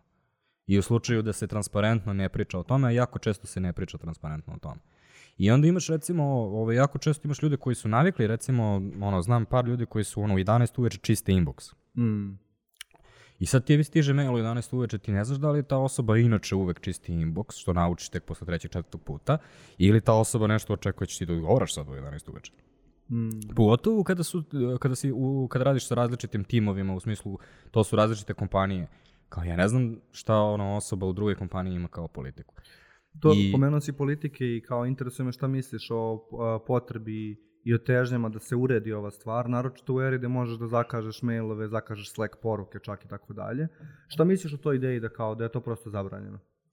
Pa Francuzi imaju taj zakon iz 2017. godine u kojima ako si kompanija koja ima više od 50 zaposlenih, ne smeš da šalješ mailove posle 11 uveče. Baš zbog ovoga svega što sam opisao, u smislu stvara se implicitni pritisak na sve Je ostale. li da bukvalno preko posle vremena. 11 uveče ili si samo dao... Ne, ne, sorry, e, posle 5 uveče, ja mislim, Mhm. sorry. Posle Ovaj, radnog vremena. Ne, ne, zato što sam prebacio na Mhm, priču koju mhm. sam ja pričao sa čišćenjem mailova od 11 uveče, jel? Ja nemam ništa protiv da se to, ovaj, uh, ja mislim da je to samo loša praksa. Ne vidim nikakav benefit toga, recimo. Um, sa aspekta politike mi je čudno u smislu dosta je teško to sad uh, iskontrolisati, a opet remote work, različite vremenske zone, ono, to zahteva da neko češlja mailove ili kao onda zaht, ulaziš u problem whistleblowera, jer neko mora da prijavi da se to dešava i tako dalje. Za mene uh, je ono što mi radimo u stvari uh, ovaj, bolja varijanta, jer kao mi smo imali uh, ono, status za celu firmu gde smo objašnjavali, sastanak gde smo ljudima objasnili uh, upravo ove kompleksnosti, zato što smo imali, pogotovo to sad tokom COVID-a se dešavalo, gde su ljudi u različito vreme ono, pričali i onda smo imali kao, ljudi, samo da znate, naše radno vreme je od 9 do 5, ljudi će raditi klizno. To što neko radi klizno do 7, ne znači da se očekuje od vas da ćete u 7 odgovoriti, sasvim je okej da odgovorite popodne. I onda smo im kao da oslobodili smo ih i rekli smo im da je okej da to urade i sa klijentima i tako dalje. Ovaj, zato deluje mi da je to mm, zdravije nego da se pozivamo na neku vrstu zakona sa kojim ne znam šta će biti tačno. Mm. Ovaj, ne verujem da bi radilo. To je, to je ono što, što mi je problem. Ovaj, tako da mislim da je ona, ova vrsta diskursa nekako lakša za sve ljude koji, uh, koji su uključeni.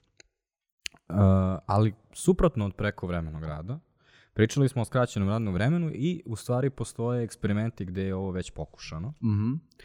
Um, imaš u Švedskoj uh, je bila studija sa uh, sestrama koje rade u domovima za stare i um, ovaj, sestre su prijavile smanjenje burnouta, povećale su aktivnosti tipa šetnje ovaj, sa starima i tako dalje. Međutim, postoje, a, postoji Island takođe, koji testira četvr, a, četiri radna dana ovaj, i a, testira ga na 1% populacije, radne populacije Islanda, odnosno tu su sad, ono, nisu samo sestre u, dom, u domovima za stare, nego su razne javne institucije i kažu corporate offices, ne kažu koje. Ali izvini, koliko ja razumem, oni to zovu četiri radna dana nedeljno, a zapravo to je samo naziv studije. Studija ne treba bukvalno shvatiti da oni testiraju četiri radna dana, nego testiraju smanjenje radnih sati koji bi bili pandan četiri radna dana. To je kao bit, bitan deo tumačenja tog istraživanja. Znači ne treba da shvatiš bukvalno da oni idu kao ponedeljak, utorak, sreda, četvrtak i onda ne rade u petak. Nego 40 postoje- sati su spustili valjda na 35 ili tako nešto. Um, meni deluje da te studije nisu uh, adekvatne ili barem nisu adekvatno prenešene. Mhm. Ovaj, naime, um, ono, što, ono što je došlo preko mass medija do većine ljudi koji su videli ove studije, je prvo, znači došle su netačne informacije u smislu četiri radna dana, kada ono, sračunaš, to je baš dosta variralo od Mhm. uh, posla do posla. Znači, za, uh, u stvari za većinu radnika je 35 do 36 sati, Mhm. a setimo se, znači ima 40 sati, mm, Da. postoji, neki, postoji neki patrljak koji moraš negde da uvališ. Um, druga stvar je, uh, ti si pomenuo smenske radnike i ljudi koji moraju da budu ono, available na radnom mestu. Za njih je jako često taj, uh, to smanjenje koje su oni testirali u stvari bilo mnogo manje, nekada i samo pola sata. Ovaj, uh, ja mislim čak i nedeljno. Ovaj, to su, znači, ono, prvi problemi su kao šta je tačno gde je pokušano. Uh, drugi problemi sa time je što ovaj, ispostavlja se da su neka dva think tanka, u, između ostalog zato su sve te, sve te cifre koje dobijamo su u funtama, u stvari, iako su u Švedskoj i Islandu ovaj, rađeni, uh, rađeni ovi eksperimenti. I to su neka dva think tanka koji e, su u isto vreme lobiraju za smanjenje e, radne nedelje I tumače rezultate istraživanja. i prenose rezultate Mhm. ovaj, tih istraživanja. Treća stvar koja mi je problematična sa tim svim istraživanjima, a to smo, ono, ovaj, to je u ovom Harvard Business Review članku kojem je poslao Peđa Ilić, um, jeste što kada kažu šta je tu bilo dobro, uh, kažu smanjen burnout, ljudi su zadovoljniji i produktivniji su, što meni prvo moraš da objasniš kako si merio tu produktivnost tačno. Recimo, ok, uh, sestre su organizovale mnogo veću količinu aktivnosti, fajn, ali to nije produktivnost. Kao, mm Mhm. ovaj, to je ono, samo jedan aspekt produktivnosti, jer produktivnost mora da se uporedi sa cenom tog rada. E, i tu dolaziš do problema što, ono, u zavisnosti od toga sad koliko je ta cena, 24 miliona funti godišnje i tako dalje, koliko to izađe tačno po radniku i tako dalje. I moraš, onda da bi to bio validan eksperiment, ti moraš da uporediš to sa različitim vrstama incentiva. Jer kao, jedan incentiv je da rade manje za isti novac, a drugi incentiv bi bio da rade isto vreme za veći novac. Da li bi to bio bolji način da oni povećaju efikasnost? Ja mislim, moj utisak je kad pogledam tu studiju i sve te varirajuće rezultate, a stvarno su šarenoliki, da tu nije bio cilj da se pokaže o, ova suptil, da se dokaže ova suptilna poenta kao o povećanju produktivnosti, već obrnuto da se dokaže da se ne bi desila apokalipsa. Ne znam kapiraš, Da. ali kao, nije ni bitno toliko šta je tačno bilo, ali nije bilo loše. Ovo je vrlo neprofesionalno tumačenje studije, ali imam utisak da je, da je to kao bio inici, da je to bila inicijalna motivacija, a onda su desili neki rezultati, pa ne znam, redovi čekanja u nekoj državnoj službi su porasli, a onda neka druga e, služba je uspela da obradi više žalbi. Bukvalno ono kao, ono, ostalo je dosta toga da se, da se rasvetli, ali ono što se svi slažu, nije se desila neka užasno loša posledica. Ne, apsolutno je, ovaj, ono, zabavno je za eksperiment i ono što je u stvari moje kukanje oko ovoga ne protiv tog, protiv ideje, Da, nego je baš protiv ono Odbrane lo, toga, lo- da. lo- loše nauke u smislu Da. kao baš me zanima da li bi ovo moglo da funkcioniše neko bi valjalo to da istraži kako valja mm, mm. Um, mislim, problemi idu i dalje od toga, u smislu, um, jel ti pre- predavao pokojni Živko Dolanović um, organizaciju na fonu? Hoće- ne, nije. Imao je jednu sjajnu rečenicu, ovaj, sećate teorije X, teorije Y i teorije Z? Ne. Teorija X uh, managementa je ljudi, um, ljudi su nezainteresovani za posao, se. treba ih ono, bičovati, samo su monetarno, monetarno motivisani i tako dalje. Teorija Y je ovo što mi konstantno insistiramo, ljudi imaju kompleksne motivacije, moraju da se samo aktualizuju, leptirići i ostalo. A teorija Z počinje se reči u Japanu. I onda Živko Dolanović onako lepo ispriča celu priču i kao, teorija C, znate, u Japanu ljudi vole da budu zaposleni u jednoj kompaniji, ceo život. Da. Onda kada dobiju otkaz, oni dobiju papirić i onda ako im se potpišu ukrivo na tom papiriću, onda niko neće da ih zaposli. A zbog toga ljudi e, dugoročno planiraju svoja radna mesta i imaju izuzetnu lojalnost prema kompaniji. E, ovaj, direktori kompanija imaju najmanje plate u odnosu na početnog radnika na svetu, u odnosu na druge svoje counterparte, recimo u Americi i tako dalje.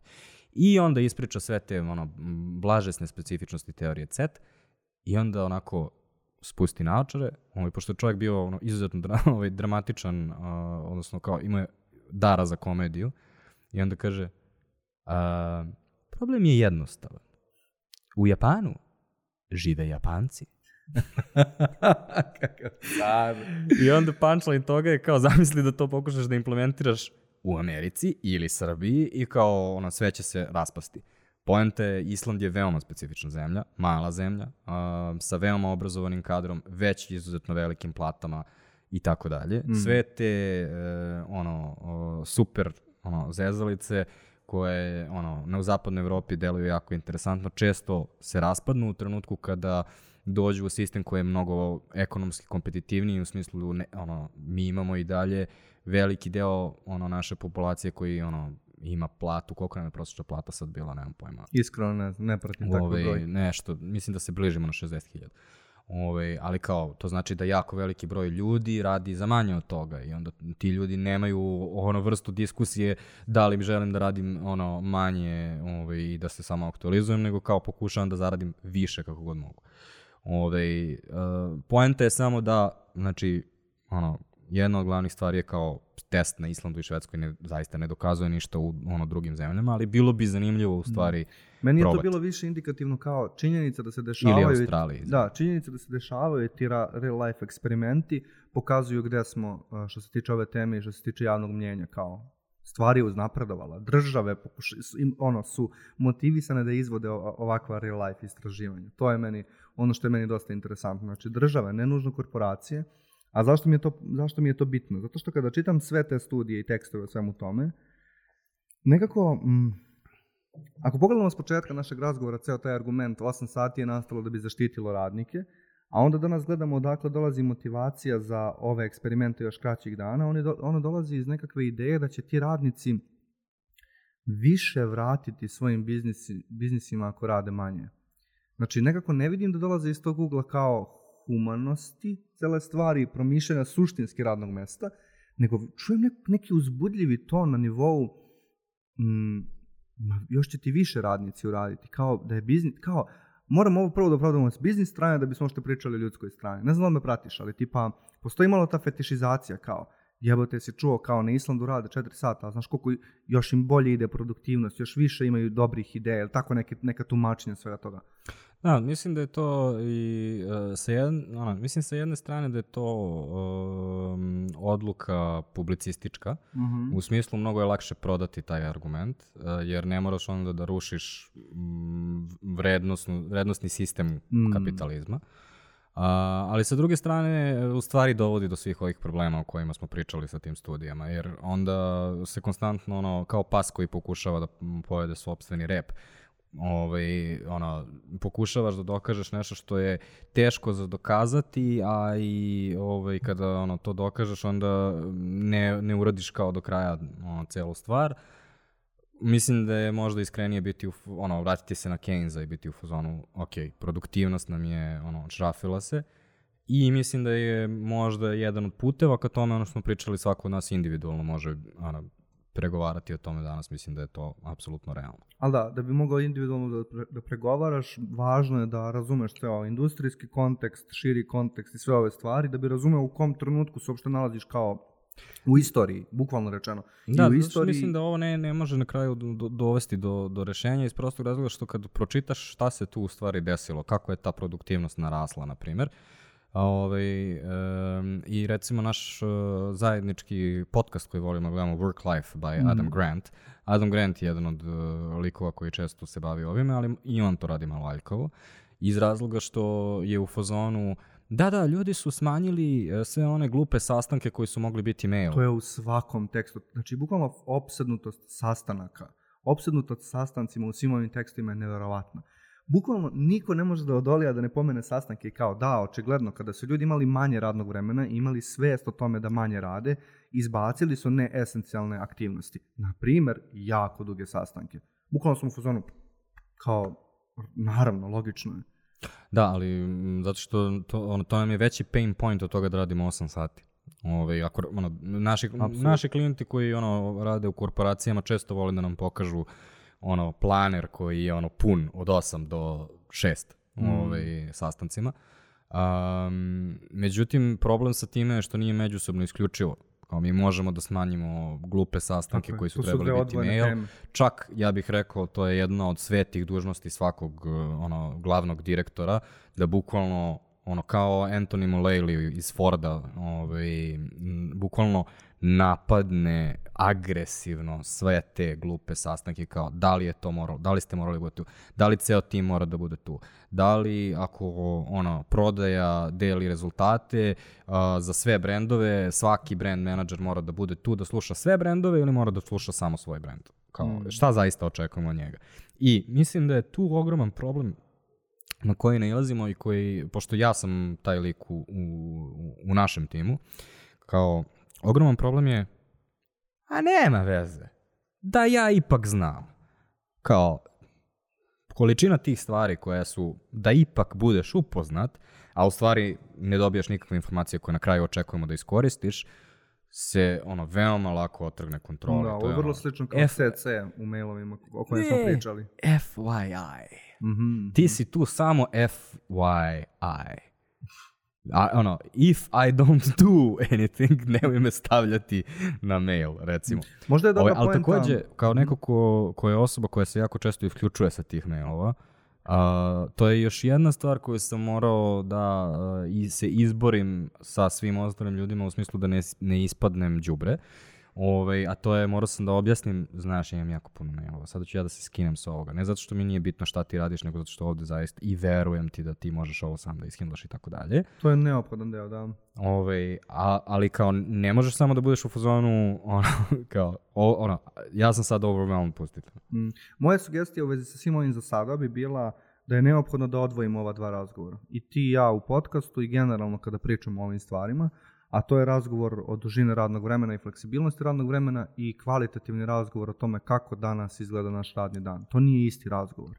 Iz nekog razloga svi izvori koji se bave ovom temom brljaju i mešaju ove dve stvari i zaključke o jednoj stvari direktno prenose na drugu temu, ali zapravo potpuno je moguće i moguće je odvojeno da se baviti ovim stvarima. Čak mislim korisno, ne samo moguće. U smislu, umesto što sediš čitaš članak o uh, Islandu i kao maštariš o tome, Zapitaj se šta možeš da promeniš danas u svojoj strukturi bez da promeniš ono four day week kao i dalje. Neke od learninga njihovo, njihove studije su potpuno primenljive i van konteksta smanjenja radnog vremena. Na primer, ako su oni shvatili da četiri dana nedeljno kada rade nemaju beskorisne sastanke i stavili su da je defaultno vreme sastanka 30 minuta, a ne 60, možda možeš to da probaš i nevezano za smanjenje broja radnih dana. Apsolutno. Ali, recimo, još jedna st- stvar koju sam uh, ja tu ukačio je uh, sastanak na koji ljudi dolaze nepripremljeni i onda se zajedno pripremaju pola sata tako što neko čita brief, neko onda kaže šta misli o briefu, neko se s tim ne slaže, kao ovo ste sve trebali da odradite solo, pre. Mm. I kao, trebali ste dođete sa zaključcima za koje, advo, ono, za koje se borite, ili recimo brainstormi na koje nisi doneo svoje ideje o kojima si već razmislio, nego, se, nego očekujemo da ćeš sad baš u ovih pola sata da doneseš ideje, po meni nije uopšte dobar. Da, u smislu kao, ti bi trebalo da dolaziš ono, ja imam ove tri ideje, ovo dve, su- ove dve kidaju, ovo je jedna malo bez veze, onda ti ostali kažu, e, ova jedna koja ti je bez veze u stvari cool, možda bismo mogli da izmenimo ovo i tako dalje. To se ne dešava u slučaju da ti dođeš i kao, ajmo ljudi da radimo sad. Mislim da jako je bitna ova poenta i mnogo je teško razgovarati o ovome jer kao postoji ta opet cela ideja o tome da su sastanci ona fun gathering, sad ćemo mi ne znam šta, tu e, i skloni smo mistifikaciji toga, ali suštinski mislim da je dobar savjet da ideš na svaki sastanak kao da sve zavisi samo od tebe. Znači ti se pripremi kao da ceo uspeh ovog sastanka zavisi samo od tvoje pripremljenosti. Pa onda nek bude neka sinergija, nek se dese neke dobre stvari. Ali ja baš verujem u pripremu za sastanke i verujem u prezentovanje timu. Radi od em, Naravno da cenim diskusiju, ali vidim veliku vrednost u tome da dođeš na sastanak i da kažeš, ej time, želim nešto da vam kažem. Razmišljao sam o nečemu i sada želim to da vam prenesem. I actually sam razmislio i kako ću to da vam prenesem, a da ne potrošim previše vašeg vremena. Ja kad vidim takvo ponašanje na poslovnom sastanku, ja sam presrećan. Um, prezentujem, da, čitam, ne. Mm, U smislu, okej. ljudi nekada dođu sa kompom i onda imaju neke svoje beleške u koje bulje konstantno i kao stoje zabodeni ono, iza kompa i, i samo im se čuje glas koji, ono, bukvalno trenutak kada ljudski glas krene, krene da čita nešto, Mm, je trenutak kada ono se svi koji slušaju se isključuju. Sećaš se scena iz Don Drapera kada otkrivaju vrlo teatralno one Da. štafelaje? Mhm. Više toga treba. Ali sad uopšte se ne zezam. Ne mislim bukvalno da nam trebaju štafelaji, ali nam treba više takvog mindseta na sastancima. Ja mislim da nam treba više pompe u životu, generalno. Ove, Ellen, sećaš se kako smo pričali hiljadu puta kako nema dobre, dobrog načina da završiš podcast? Pa otprilike svaki drugi podcast. E, našao sam dobar način da završiš podcast. To je da moramo da svako od nas da individualno donese presudu Mhm. i na osnovu čega. I um, da li imaš presudu sada u svojoj glavi, u smislu uh, fiksno radno vreme ili uh, fleksibilno radno vreme, klizno ili fleksibilno, znači ne, nemamo fabrika style kao opciju i zašto Da, imam. za tebe. Na neki način sam to već i rekao. Za mene mm, klizno radno vreme kao default i mogućnosti fleksibilnog radnog vremena. Kao nečega što je dozvoljeno ponašanje, um, nesankcionisano, ali nikako romantizovano. U prevodu to za mene znači da bih voleo da četiri petine svog, eh, svog radnog veka radim u strukturi, a možda jednu petinu, možda jednu četvrtinu koristim nekakve slobode. A, a uklapam ih takođe s nekim zadacima koji će benefitovati od tih sloboda. To bi bila moja lična presuda. Ja bih rekao da za fleksibilno radno vreme um, samo u slučaju da um, se nešto vanredno dešava u smislu kao ok, uh, ono, imao sam neki ono, ličnu stvar zbog koje moram da iskočim, sasvim je ok da neko iskoči, ali to je vanredna situacija, po defaultu ne. Um, ovaj, a sa druge strane, uh, nismo pričali o tome kao meni lično, ja imam kontra problem, zbog koga mi je uh, ograničenje od 8 radnih sati mnogo pomoglo, Mhm. a to je, uh, ja kada bi, kada recimo svi ljudi se isključili sada sa interneta i ja, ne jedan zadatak ne bi došao za mene, nov, ja bi mogao da radim šest meseci sada. U smislu, Da, ja imam toliko Mm. stvari, samo trenutno kao koje bih mogao da završim. I moj radni dan se nikad ne završava završenim zadacima, nego samo poguranim. E, mislim da si i ti koristiš tu reč, pogurao sam dovoljno stvari. Mhm, mhm. Um, I onda recimo, ono, ja već znam, ja imam šest portfolio unosa koji treba da se raspišu, na primjer za Žišku, pa sad ili ću ja da ih zaspišem, ali želim i da se drugi ljudi uključe, uključe u to i tako dalje. Takvih imam hiljadu stvari.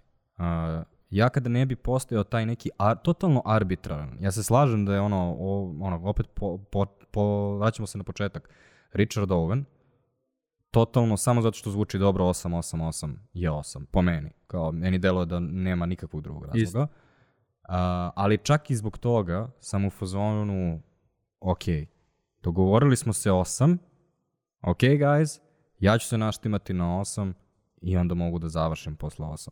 U suprotnom, ne znam kako bih ikada mogao da stanem. U smislu, deluje mi kao da bih veoma lako ušao u sagorevanje. Ove, bez toga. Ja se slažem, to je ono što sam pokušao da kažem u jednom trenutku kad sam rekao da je Owen pokušao da zaštiti radnike i decu u fabrikama, ali i danas štiti mene. Upravo sam u stvari na to mislio, da ja zbog svog mentalnog sklopa, koliko god bila arbitrarna ta struktura, meni je neophodna i da, je se. Kad jedan dan dođe sugestija da smanjimo na 7, ja ću vjerojatno samo pristati na 7. U smislu ne, neću to osjetiti kao neki veliki udar, ali će mi dalje značiti da postoji broj.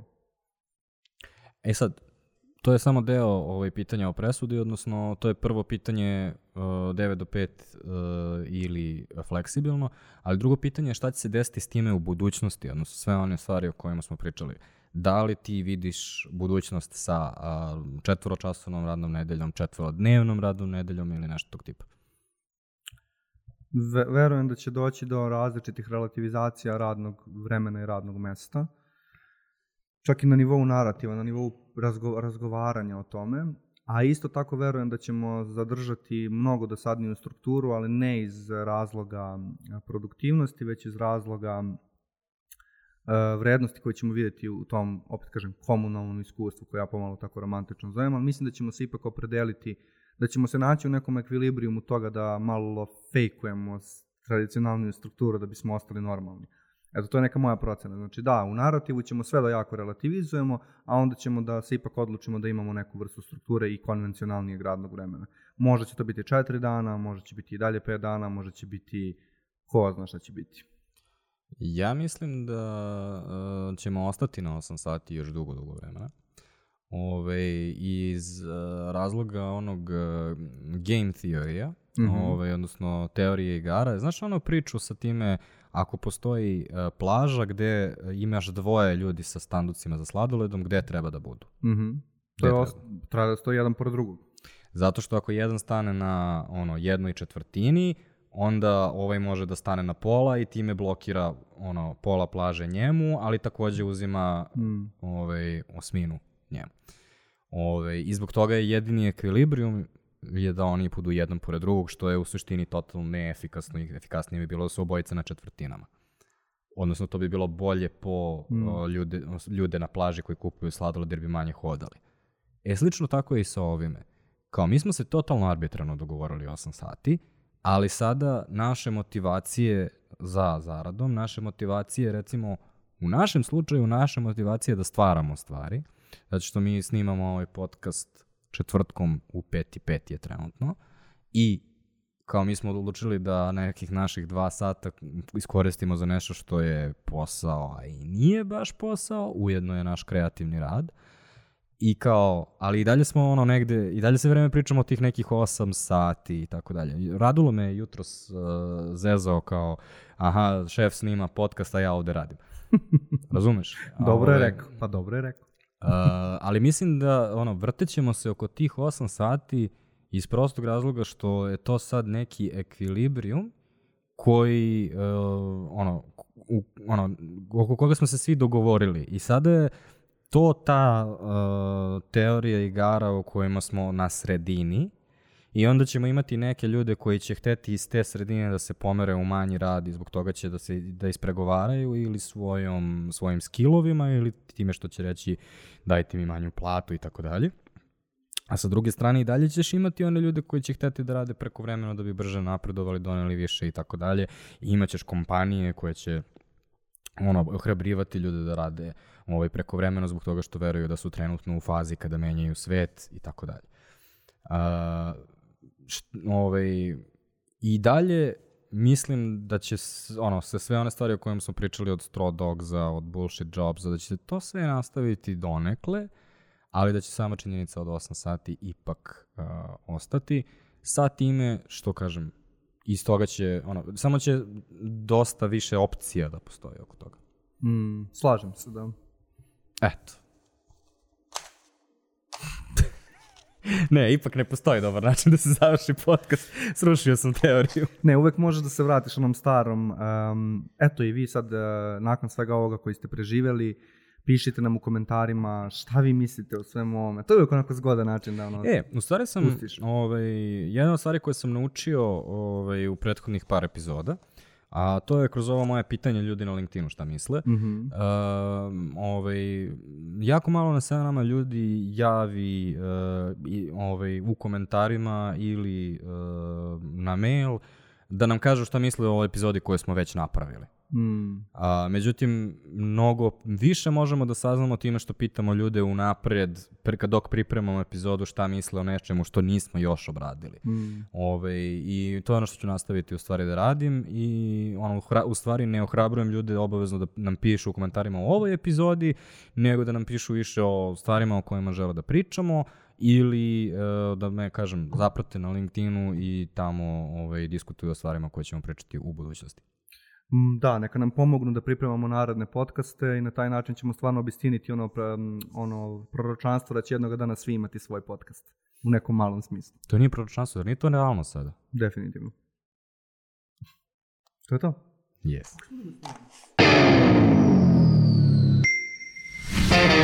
Vi slušate Žiško podcast.